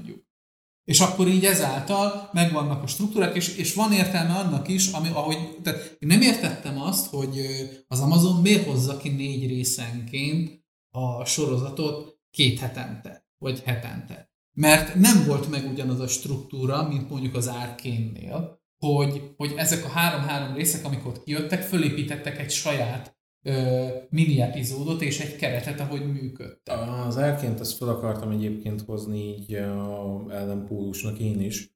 Főleg azért, mert az árkénben nagyon sok mindent csinálnak úgy, hogy ilyen nagyon pici mozgásaik vannak a karaktereknek. Tehát, hogy ha figyeled, vannak ilyen, ilyen nagyon apró háttérben bólintások, pofavágások, gyorsan elvágott jelenetek, amiben nagyon sok minden történik, és nagyon sok mindent szituálnak. Itt nem éreztem azt, hogy ezek úgy mindenhol benne lennének. Egy-két helyen igen, de nagyon sok olyan easter egget láttam, ami azért easter egg, mert tudom, hogy volt ez a Vox Machina, tudom, hogy volt a... Ez az a pont, ahol maga a maga a rajongóbázis picit visszatartja ezt a sorozatot. Mert, mert nem tudtak mindent uh, ilyen szépen belefűzni. Nagyon sok mindent lehetett volna kezdeni Bexnek a karakterével. Nagyon sok mindent lehetett volna kezdeni Scanlannek a karakterével, ami aztán... Ő is igazából egy comic relief ilyen szempontból. És Hát igen, csak uh, pont az lett volna elvileg a lényeg, hogy ők ketten úgy comic reliefek uh, Groggal, ahogy, uh, ahogy nem volt egyébként a sorozatban bemutatva. Tehát, hogy, hogy Scanlannek is akartak egy ilyen hősi szálat uh, belevezetni, és nagyon nem működött. Nála az az, az, az érdekes, hogy, hogy egyébként ná, neki megvan a momentje, mert ugye amikor a, a dinoszauruszos az, az a jelenet sor, az nagyon jó. Az egy nagyon, szép. nagyon szép jelenet, de a kampányhoz képest nyilván egy kevésbé, tehát nincs meg az a fajta, tehát a, amikor ugye a Sam játszotta a karaktert, akkor az a, az a session, amikor ő ezt letolta, akkor az egy hatalmas releváció volt a karakterrel szemben számára, hogy egyébként ő ezt, és valamennyire benne van, mert látszik, hogy egyébként úristen nincs terve miatt ő túl fogok csinálni. Ez egy sokkal mélyebb dolog volt, hogy ő ezt bevállalta, és egyébként ott azt, a, amikor ő berongyol ebbe a, ezt, a, ezt a saját, ebbe az épületbe, és ezt a saját kis uh, uh, start mission ott lerendezi, ő ott azért ez egy sokkal rétegeltebb dolog volt, hogy úristen mi a túrót fogok csinálni, úristen én erre képes vagyok, úristen, de most olyan dolgokat műveltem, hogy, hogy, hogy, hogy értem végre a karakteremet, hogy hogy tudom kihasználni a bárdanak a képességeit, hogy ő egy kicsit ilyen jack of all trades, hogy ebbe is egy kicsit jó, abba is egy kicsit jó, és hogyha ezeket kombinálom, akkor egy olyan koktélt kapok, amivel hogyha megfelelő helyen megfelelő dolgokat alkalmazok, és szerencsém is van, akkor, akkor ki tudok hozni belőle egy olyan dolgot, amit a többiek nem. És onnantól kezdve, tehát ő egy, egy picit, az a, az, a, az a session, az kifejezetten egy Magical MacGyver rész volt. Igen. Tehát amikor a, a D&D eszközeit és tárházát úgy ki tudod MacGyverkedni, amit, hogy mások nem. Itt viszont ez le volt egy picit degradálva arra, hogy van nálam három varázsfőzet, Ó, nem tudom mit csinálni, megiszom az egyiket, ez történik. Ó, megiszom a másikat, ez történik. Ó, megittam, ezt átváltoztam, dinóvá kimentem, csó. Igen. Tehát, hogy... Ez a, hogy mondjam, a játékosból is, egy picit szemlégelből is. Tehát én most, ha gondolod, nekik volt egy Doom-os bánsátjuk, hogy oké, mindenki ismeri, oké, mi az a Doom? Tudod, hogy így ülünk le, és a végülnek így is működik. Majd kihozok belőle valamit. Így emlékeztet ebből a szempontból, hogy hasonló, hasonlóképpen hozott te is. meg dolgokat, hogy ne legyen meg neki az a Azért mondom, tehát ebből, ebből a szempontból mondom, így eszembe jutsz te is, mert te is valami hasonlót hozol, hogy majd lesz, majd jön ez valahogy. És végül szerintem ebben valami zseniálisan hozza ezt, ezt hogy bár, bár is alakul a történet, tehát a figyel azért, hogy amikor hogy nincs az, hogy mindent elütünk humorral, tehát hogy amikor Igen. meghagyjuk a drámát, mert azért mégiscsak van egy háttér, amiből jövünk, de ezen kívül szinte bármiből bármikor lehet viccet csinálni, és jól működik. És ugye igen, ezt a részét látom én is, hogy itt értettem meg azt, hogy az asztalit ezt el lehet mélyíteni úgy is, hogy ez lehet me- mechanikailag is egy szórakoztató faktor. Ki van még Ki, Két, két hagytunk még ki, igen, ezen a gyalogban. Scanlenen végül is átrágtuk magunkat, ugye Briarwoodok vannak, ugye neki a, ugye ott van Cassandra, Hát én Cassandrára túlzottan sok időt nem ö, hagynék, mert Isten igazából Cassandrának a, az egész sztoria az nem egy annyira, annyira kidolgozott, illetve kidolgozott, csak fölöslegesen kidolgozott uh, sztori szerintem, mert annyival többet nem ad hozzá. Tehát igazából az, ami, ami Percy-t így élteti, ahhoz, ahhoz ő sok minden nem tesz hozzá azon kívül, hogy ott van. Tehát Cassandra igazából, ő pont az a karakter, aki úgy egyébként ott van. Nagyon sok helyzetben annyit tudok a karakterről, hogy ott volt. Igen, az az érdekes, és ez most, ahogy mondod, jut eszembe, erről akartam beszélni, hogy a, ahhoz képest, hogy egyébként, tehát nyilván egy szerepjátékos körből jönnek, tehát a sztori mesélésbe azért, és látszik bizonyos elemeken, hogy a sztori mesélésbe, meg egyébként is, tehát szinkron rendezők is, nem Igen. csak színészek, tehát, hogy nagyon sokszor értenek vizuális sztori mesélésbe olyan dolgokhoz, ami segíti őket, hogy, hogy el tudjanak bizonyos dolgokat mesélni ebbe a 12 részbe, úgyhogy annak minimális felfestéssel, de legyen drámája.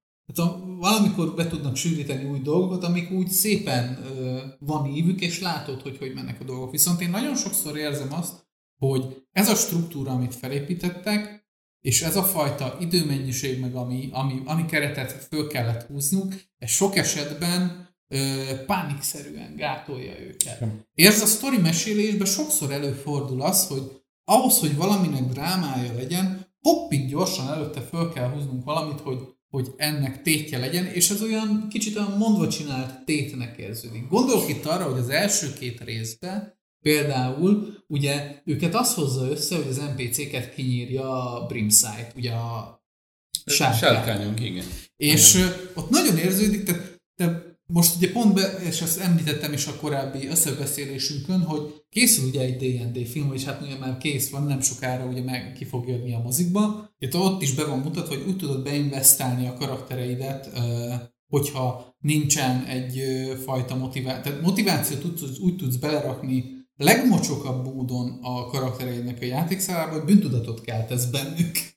Tehát ez a legegyszerűbb, legkézenfekvőbb dolog szerintem, és ez általában úgy történik, és ez egy nagyon kézenfekvő dolog, mert minden, mert az átlag játékos úgy jön be, hogy megyünk és élvezzük, és fasza és minden. Tehát ez a fajta nagyon tróger, nagyon dekadens, zsoldos kalandozó csapat stílusát hozza általában leginkább az alapjátékos, aki, aki szeret, tehát egy, egy sandbox jellegű. Minden fantasy történet valaha.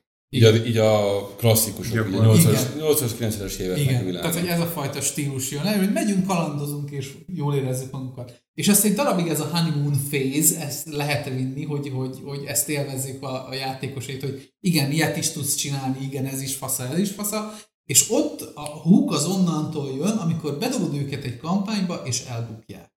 És ennek következményei, ramifikációi vannak.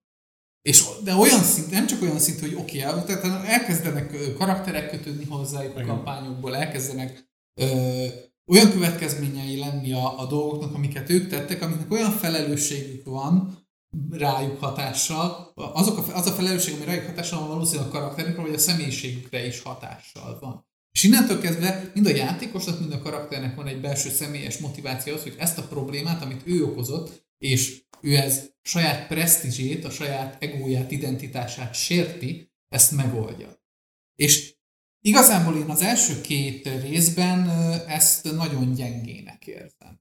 Ez rettenetesen Tehát a, a, és ugye ez, a, mivel a sztori mesélés kapcsán jön fel, hogy hol jönnek fel ezek az adhok dolgok, például az első két részben, amikor tehát ők elmennek ugye legyőzni ezt a sárkányt, és ez a fajta sztori mesélés itt jön fel, mert ők alapvetően a pénz miatt jönnek, és ott lesz tétje nekik a dolognak, hogy fél perc alatt bemutatják, hogy van ott egy NPC család, akik egyébként tök cukik és varázsolnak ki egy érmét, és ha, jó, jó, bírnak minket. Ez az. Elmennek, elbasszák a sárkányos küldetést, a sárkány kinyírja a családot, és onnantól kezdve Oké, értem, hogy, hogy ezzel egy picit árnyalják, hogy van bennük egyfajta becsület is, és hogy azért egyfajta empátia az emberek iránt, de alapvetően ezek a karakterek nem olyan erősek, hogy ez szerintem a nézőt érdekelje, hogy oké, okay, meghalt három ember, tehát másokért nem, fogna, nem fogják ezért magukat ők úgy felvergelni, hogy jó, akkor öljük meg a sárkányt csak azért is. Tehát, hogy Igen. nincs meg ez a balansz. És több ilyen ponton látom ezt a sztori. Például, amikor behozzák a Tóken gyűrűk ura színészt azért, hogy legyen egy húzó neve az ének, hogy ő az a, én, ő, az ő karakterét ugye Ú, nem teszem. Árcsinak a karaktere számomra olyan, hogy nagyon menő, nagyon bírom, de alapvetően ő azért van bent, mert a szinkron színész, illetve a színész egy nagyon ismerős karakter, és ahhoz, hogy neki tétje legyen, hogy Percy ö, elveszti őt, előtte fél percben húzzák fel azt, hogy emlékszel, milyen jó csatáztuk, ugyanezeket csináltuk, igen, meghalt. Az a szép az egészben, hogy Árcsi gyakorlatilag egy ilyen eldobott kártya. Tehát amikor, amikor nem tudom, szoktunk Cards Against humanity amikor égeted a lapot, tehát amikor van a kezedben egy rakás dolog, és így ezt, el kell, ezt muszáj vagyok eldobni, mert ha ez itt marad a kezemben, ez örök élet hat napig rám szárad. És muszáj vagy azt a karaktert egyszerűen fölvezetni ahhoz, hogy Percynek elindíts magát a, a sztori szállát, illetve nem is elindíts, hanem hogy tovább lögd a sztori szállát. Igen. De, de egyszerűen nem, nem tehát az, az nem egy jó összehozott uh, megoldás. Sokkal jobbak azok a részek és azok a momentumok, amikor Percy ténylegesen azt csinálja, amit Percy csinál. Amikor megy, és bosszút el. Amikor a, ezéről, a hatlövető uh, fegyverről elkezdenek szépen eltűnni a nevek. A nevek, igen. Azok, azok a jelenetek, azok na, Zseniálisak. Imádtam minden egyes darabját. És nagyon uh, látszik az, hogy abban van igazából a, az egésznek a, a törődése. Igen, tehát ami nagyon erősen működik szerintem ebbe az egészbe, az, az főleg a Dark Fantasy rész. Igen. És ez, és ez például nem sok, tehát nem sok olyan sorozatot látok, ami ezt, nem sok olyan fantasy művet látok, ami ezt meri ilyen szinten humorral keverni. Igen. Tehát, hogy még én azt érzem, hogy még nincs meg ennek a balansza.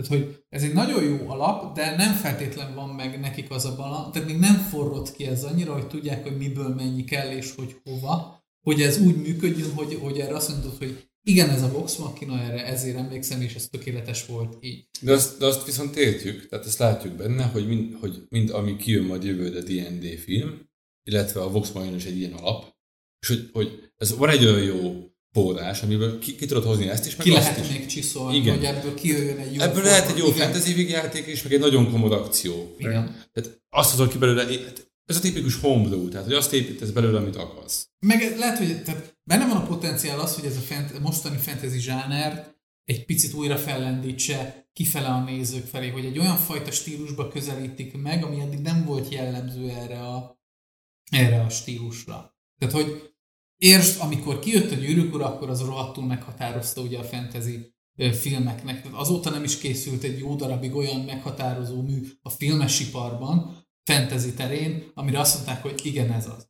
Ezt utána megvillentette ugye a gyűrűk ura igen erősen, mert megint egy másik ö, szemszögből kö- közelített Martin. És lehet, látok benne potenciált, hogy most a D&D-vel, meg a Vox Machinával esetleg tudnak találni, meg ugye a D&D-s filmmel tudnak találni egy olyan balanszot, ahol megint egy újraértelmezése lehet a fantasynek úgy, hogy a mostani modern generáció is föl tudja ezt venni, és esetleg kiemelni egy olyan művet, hogy igen, a fantasy az él, és így, így, így tud működni a filmes iparban.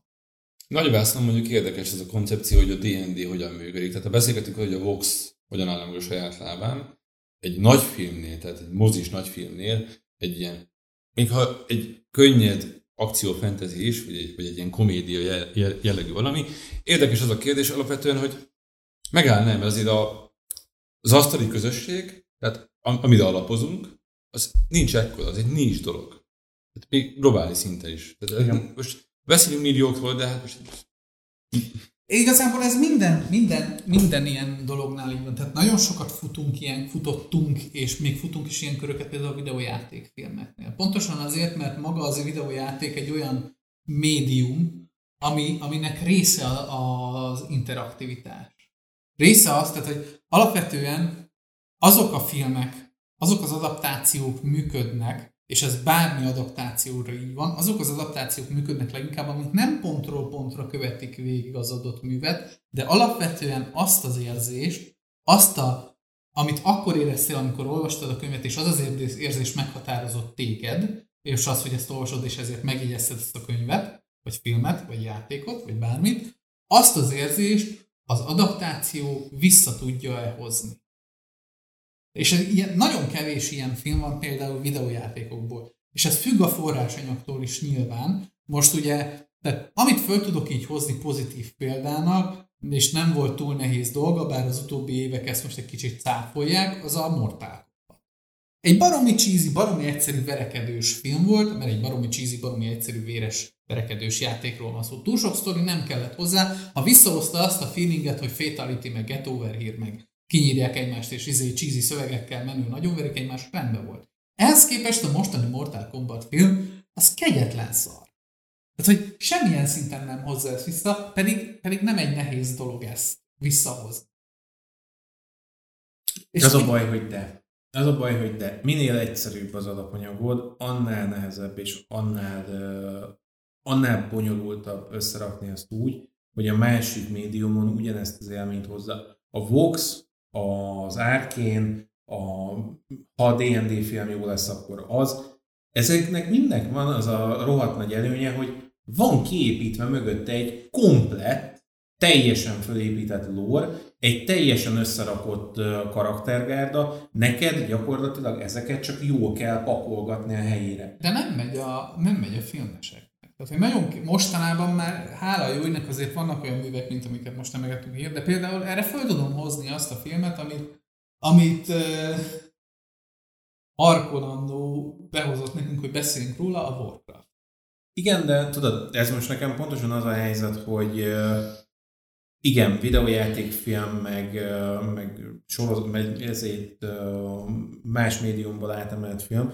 Azért láttunk Harry Pottert is, meg láttunk ö, Gyűrűk urát is, de közben láttunk egyébként a Witcher sorozatot is. Egy csomó mindent át lehet ültetni, de ezek olyan dolgok, amiknek van egy nagyon nagy kiépített háttértára, amiben így bele tudsz nyúlni, és azt tudod mondani, hogy ezt, ezt kiemelem innen, és Na jó, ezt jó helyre De ez rakom, akkor visszacsatolódik oda, hogy ez megint csak lore. Hát igen, de hogyha nincsen egy... Tehát a- alapvetően azt értsd meg, tehát most teljesen nem, nem mindegy, hogy melyik médiumról beszélünk, mert jelen esetben, ha videójátékról beszélünk, alapvetően a dramaturgiát, az interaktivitás adja meg. Maga az, hogy a játékos benne van és immerzív játszik a játékkal. Pedig Ahhoz, ezt- hogy ezek működjenek filmen, ezt a dramaturgiát nem tudod beletenni, mert egy közvetett nézője vagy az egésznek, és sok esetben, ha ezt kiveszed, például szerintem egy uncharted hiába, hogy szerettek azért, mert egy egyszerű nem, nyilván nem lesz egy akkora sikeres film, mert, egy, mert hogyha kiveszed ezt az interaktivitást, akkor egy szimpla, egyszerű, ö, 12 egy tucat kalandfilm lesz. Oké. Annak szerintem Indiana Jonesnak kellett volna lennie, de nem is ez a lényeg szerintem alapvetően, amit itt meg próbálunk fogni. A, visszatérve a D&D filmre, amit én akartam hozni ebből az egészből ki, hogy, hogy az hiába az asztali kultúrára, a D&D kultúrára épül, ezt úgy fogjuk eladni majd így kinn a nagyvászonon, hogy ez egy fantasy Ez egy fantasy. Ezt így lehet A- értékesíteni. Alapvetően egyébként, amit mondok, hogy ha van egy ilyen kiépített nagy lórod, amit mondtam az elején, hogy a lore az gyakorlatilag egy puska. Minél nagyobb a lore, minél több a háttered, annál könnyebb abban neked egy, egy sztorit beleírni. Minél kevesebb, minél szűkebb, minél kisebb cuccból kell dolgoznod, annál bonyolultabb egy jó sztorit írni hozzá, mert nincsen egy háttértárad, amit Ezt nem tudsz építeni. feltétlen értek egyet. Én, ezzel, én, pont ez, én, azt ezzel pont, én ezzel pont azt érzem, hogy eh, egy kész puskába könnyebb beletölteni egy eh, golyót, mint hogyha neked kell. Na, ez az, amiről vitatkozunk általában a Discordon, pontosan azért, mert én pont ö, Jó, mit eb- kapsz most színes? ebbe buktam bele. Tehát, hogy az, hogy van egy rohadt nagy lórod, az szerintem sokkal nehezebb. Pontosan azért, mert ahhoz, hogy sztorit meséljél, fókusz, tehát pont a fókuszod nincs meg. És hiába, hogy van, tehát a lore ebből a szempontból egy valaginyi céltábla. Az emberek általában abba buknak bele ilyen szinten, hogy nem tudják hova lőnek, és ezért előnek a amit mondtál, hogy előnek a picsába.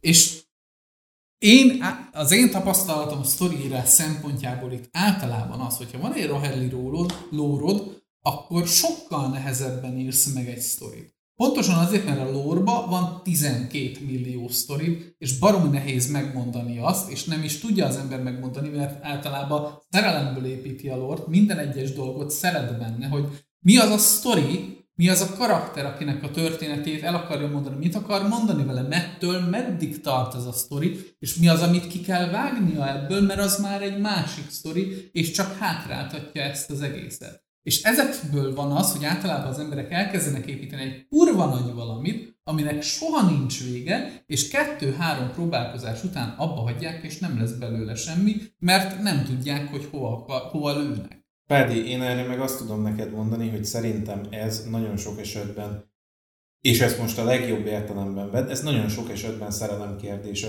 Annak a kérdése, hogy mennyire vagy beleszeretve abba a lórba, amit megírsz a háttérbe. Mert hogyha, mert hogyha szereted, de egyébként arra használod, amire való, arra használod, hogy a, vagy az egy környezetet adjon neked ahhoz a sztorihoz, amit el akarsz. Ha először sztorit akarsz mesélni, és arra ö, próbálsz egy lórt összerakni, akkor működik. Hogyha lórod van egy ilyen 400, ö, ó- 400 órányi Silmarillion. gyakorlatilag egy Silmarillok, akkor arra nem fogsz tudni sztorit építeni. Tehát, hogy minél bonyolultabb a puskád, annál nehezebb beletölteni azt a nyomorult golyót. Tehát, hogy én ezt mondom, hogy, hogy persze, de hogyha a lore az arra van, hogy tudjál vele egy, egy sztorit írni, azért van, hogy neked, aki írod, meglegyen az a háttértárad, amiből tudsz táplálkozni, amit bele tudsz építeni a sztoriba, és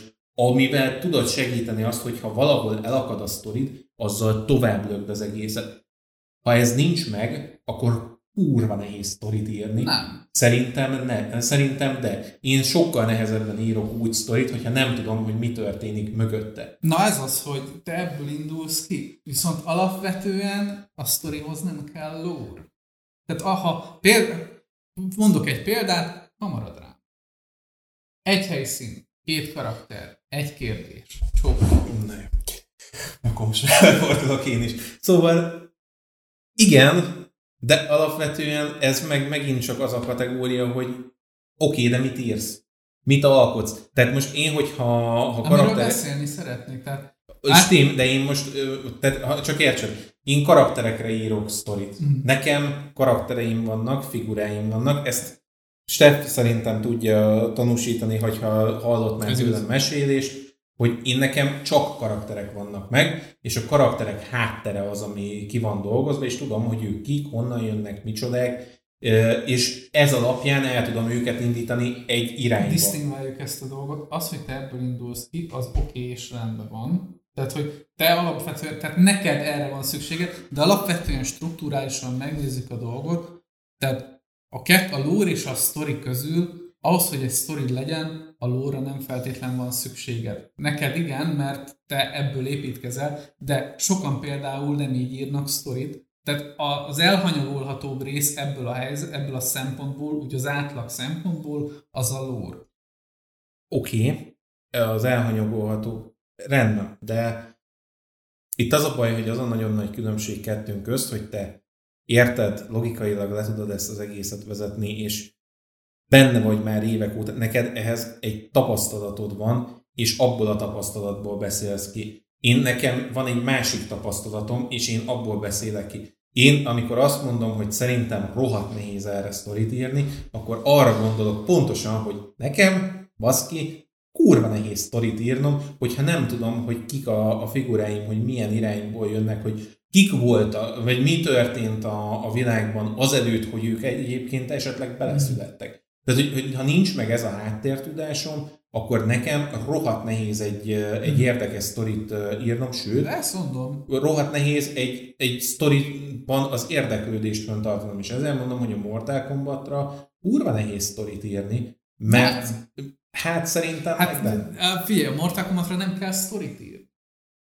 Hát oké, de ha már eljöttünk idáig, baszki, hogy már sztori írásról beszélgetünk. Hát igen, akkor Egy minimális történet Egy, kell hozzá. Tehát minimális történet. kell nem úgy van, hogy Sub-Zero bekúszik jobb az képe, film- bal oldalról, Az meg film pont azért van elbaszva, mert olyan szintű sztorit próbáltak ráírni, és nem tudnak, amire fölösleges, és senkit nem érdekel. De csak ugyanarról Mortal. Kombat, Mortal Kombatban csak és kizárólag arra kíváncsiak az emberek, hogy bejön Scorpion, sub olyan verik egymást egyik kitépő, a másik gerincét csókolom. Eljutunk ide, ehhez nem kell sok sztori. Tehát én nem azt mondom, hogy amit te mondasz, az nem igaz. Én azt mondom, hogy történetesen a Mortal Kombat egy olyan alap, ami nem igényli azt a fajta strukturális fölépítést, amit te mond.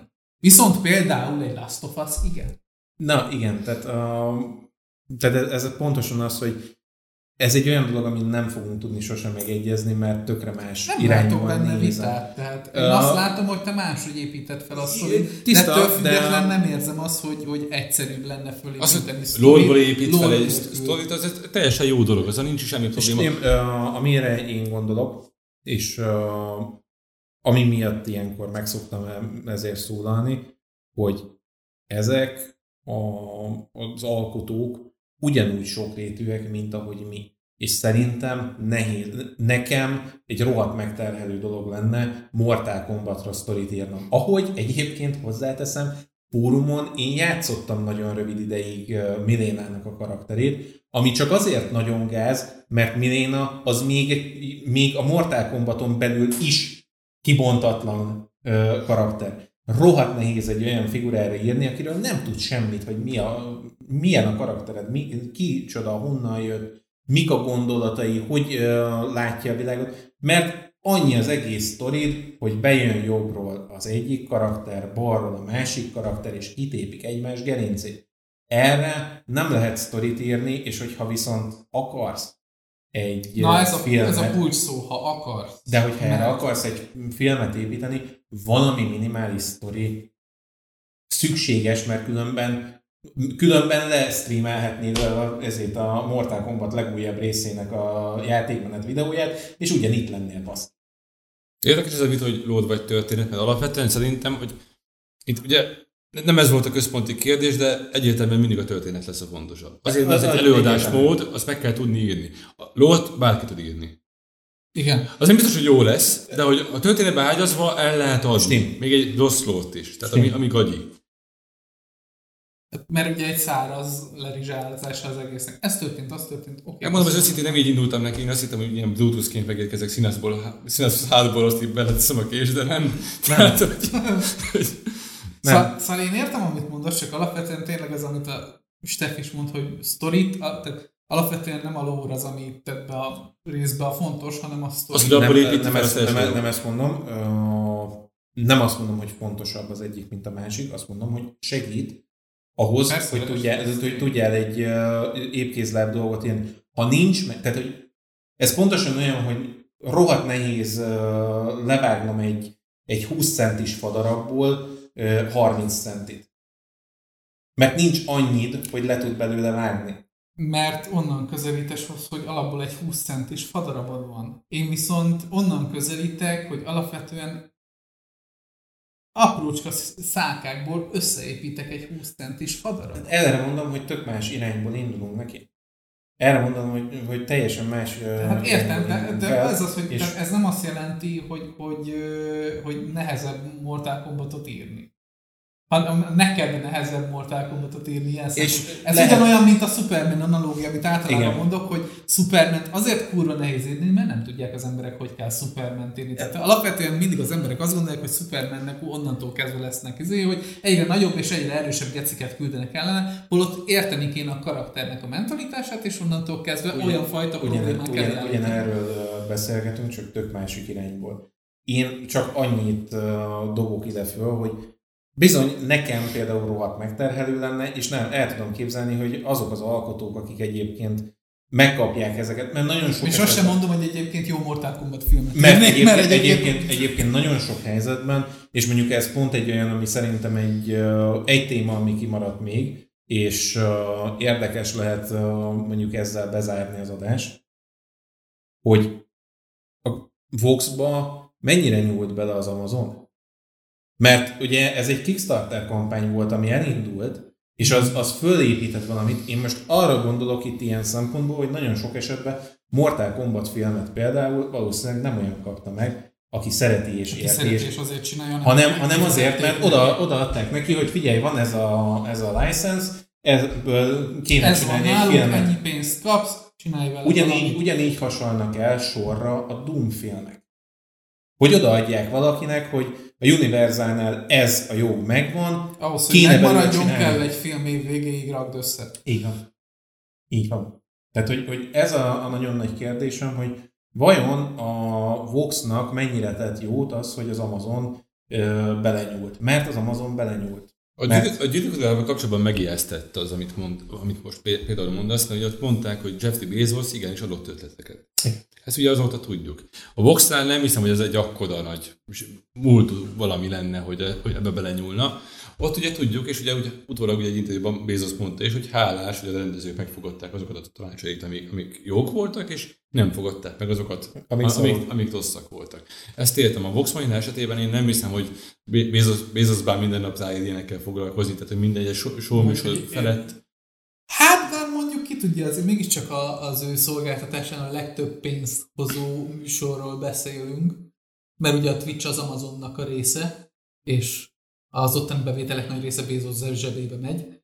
Tehát lehet, hogy volt beleszólása ilyen tére, sőt, biztos, hogy volt Biztos, beleszólása mert, ilyen biztos tére mert, az mert az intro az teljesen át lett alakítva. Tehát, hogy Az intro zene az egyébként full gagyi. Igen, igen. És, és ez olyan szinten fájdalmas, hogy egyébként fölcsendül az alaptéma sokszor. A, a, a, legrosszabb az egészben, hogy én nagyon el tudom képzelni azt, hogy eleve a 20 perces részformátum az már egy olyan dolog, amit, amit lehet, hogy ők nem így terveztek, hogy ennyi legyen, de lehet, hogy így terveztek. Viszont, hogyha már... Az biztos, hogy az, hogy hogy jött ki az Amazonon, az az Amazon, tehát hogy nem ők találták Az- ki az, azt, hogy hogy úgy- három részenként jövünk ki hetente. Az, hogy Mert úgy- látszik a struktúrán, az- hogy nem így lett kitalálva. Az, a hogy sor. úgy van összerakva a sorozat, hogy az első két rész az önállóan alkot egy egészet, azt így le tudod választani az egész sorozatról, és a többi működik nélküle, és ezt úgy adjuk ki, hogy kiadjuk az első két részt, meg utána a másik két részt a következő sztoriból. És így ülsz, hogy Ha bele is szóltak, szerintem ez inkább kiadási szempontokból, mint sem történeti. Tehát ilyen, olyan szinten nem látom, hogy belenyúlnának, hogy amikor Netflixnek van mondjuk egy ideológiája, és ezt minden egyes mű, ö, témájában szeretnék közvetíteni. Tiszta sor. Tehát, hogy ilyen szinten nem látom, mert ez kell lenni, még először azt gondoltam, amikor bejön ez a szál, hogy biszexuális, hogy ez egy aktualizált üzenet. De megmondom az őszintét, még ha az is, egyáltalán nem zavar, mert Scannerbe kinézem. De ráadásul, Tehát, hogy- ráadásul, ráadásul egyébként, uh, ha jól emlékszem, akkor Scanlon a... Biszexuális a kampányban, Igen, sőt, Vax és Vex is, sőt, Igen, igen. Tehát, hogy ez, sőt, ez, idővel kiderül, hogy kiki is. de, de azért mondom, hogy ez, ez pontosan olyan, hogy ezt én azért gondoltam érdekesnek, amikor beszéltük előzetesen is, hogy dobjuk fel ezt a témát, mert azért el lehet rajta csámcsogni, hogy mennyi az, amiben belenyúltak, főleg úgy, hogy ez egy olyan cucc, ami eleve készre oda volt neki. Ez kérdés, a korhatár besorolás miatt gondolom mindenképp vannak szabályok, amiket be kell tartani, még akkor is, hogyha erres. Tehát egy bizonyos ponton akkor sem mehetnek túl. És néha én azt érzem, hogy bizonyos, tehát például Grognál, hogyha ezt lehetett, egy kicsit azért kérdés bennem az, hogy mennyire társadalmi nyomás is ez. Mert ők azért eléggé próbálnak megfelelni a PCO kultúrának, és, a, és, és én, egy, nekem egy kicsit gyanús, hogy Grognak ez a fajta Grog családbarát. desztillációja, ez ennek az eredménye. Grog, Grog a, család, a családbarát. Mert ő, mert, ő, mert, ő, igen, mert ő sokkal betegebb és sokkal durva. Tehát nem vagyok benne biztos, hogy bevállalták volna azt a sorozatba, hogyha nincs ez a fajta nyomás valamilyen oldalról, hogy, tehát, hogy tehát nem, nincs benne a cicis jelenet kapásból.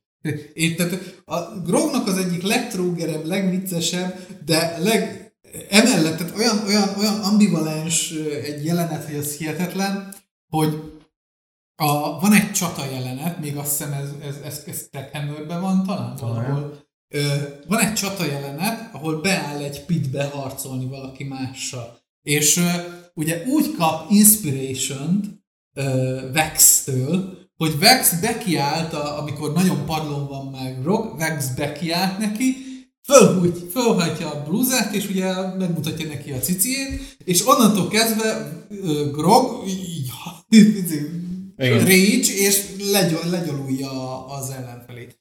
És ne, nem is ettől, tehát valamilyen szinten kicsit beteg, meg vicces is, meg izé is, de nem is ettől ilyen, hanem azért, mert utána tartanak egy olyan jelenet, amit Travis csak poénból süt el, de ha elkezdesz gondolkodni rajta, akkor egy kicsit így, így megkúlintja az agyadat, hogy oda megy és elkezd Vexel beszélgetni. Elkezdi neki elmondani a személyes dolgait, hogy most éppen ez a bajom, meg izé, meg hozé, és ő egyébként nem egy ilyen karakter, tehát ez a full maszkulin férfi karakter, aki pussol, izé, sörözik a pálykkal, kurvázik ugye. Scanlannel, és furcsálod azt, hogy miért kezd el érzelmi dolgokat közölni egy olyan karakterrel, akivel eddig nem beszélt. És a sztoriba kiderül, utána fél megmondat elmondja az, hogy ja, hát veled van az első személyes kötődésem azáltal, hogy megmutattad a cicidet. És onnantól kezdve úgy érzem, hogy nekünk van egy belsőséges Igen. kapcsolatunk. És így, ó, Te, bazd te, te megmutattad, én is megmutatom jelleggel. Igen, tehát hogy ez egy e, e, felső rétegen vicces, és hogy belegondolsz így, Ahogy besért a Bazeg! felvázoltad, igen, ez ilyen, inkább ilyen betegesnek tűnt, inkább ilyen közelebb áll az anyai Igen, kapcsolathoz. Igen, tehát, hogy- és vannak ilyen dolgok, és hogy ez nincs benne például, de tehát, hogy van egy csomó ilyen dolog, ami, ami lehet, hogy elsősorban, tehát hogyha, hogyha meg, meg akarnak felelni a stúdiónak, az általuk kiszabott dolgoknak, illetve a közönségnek, annak a közönségnek, aki évek alatt kiépült hozzájuk, és azért ber, erősen benne van ebbe a közösségbe a cancel culture. Tehát van olyan, hogyha valamit véletlenül félrenéznek, valamit rosszul csinálnak, ami nem feltétlen rossz, mert a saját játékuk. Lényegében azt csinálnak, amit akarnak, de mégis egy közönség felé dolgoznak, akkor, akkor pillanatok alatt a Twitteren, meg a Discordon, meg mindenhol fölgrillezik őket, mint a szart. És látom azt több helyen én is, hogy mi lehet, melyek lehetnek azok a pontok, amiket direkt azért finomítottak, mert a stúdió által megszabott, illetve a közönség által megszabott kultúra miatt muszáj finomítaniuk, és már nem kerülhet bele, pedig egyébként érdekes kérdéseket vetne fel olyan szempontból, amit egyébként más nem merne bevállalni, és a korhatárbesorolás nem indokolja, hogy ne legyen benne. Hát fogalmaznám ezt a kérdést, igazából az a kérdés, hogy mi az, ami cenzúra, és mi az, ami öncenzúra. Igen. Legalábbis ebben látom. Igen. Szerintem most senkiben nem maradt semmi, akkor ezzel kérdéssel zárhatjuk is. Úgyhogy köszönjük szépen, hogy meghallgattátok ezt az adást. Kövessetek minket Soundcloudon, hallgassatok minket Soundcloudon, Spotify. Spotify-on, a Zsatubén. Gyertek fel Discordra, és akkor, hogyha valamelyik annyira örült, hogy bejönne szerepjátszani, akkor beavatjuk. Várjuk szeretettel. Várjuk szeretettel. Meg Be van nekünk ö, hivatalosan egy Facebookunk is. Facebookunk is van, meg lehet minket támogatni. Így van. Ugye a Zsatubén. Igen, hát ugye abból van a, a Spotify meg a SoundCloud. Spotify meg a tartva. SoundCloud, és köszönjük, hogy meghallgattatok, meghallgattatok minket meg ezt az adást. Én Párdi voltam, ő Steff volt, ő pedig Szinasz. Sziasztok! Sziasztok. Sziasztok!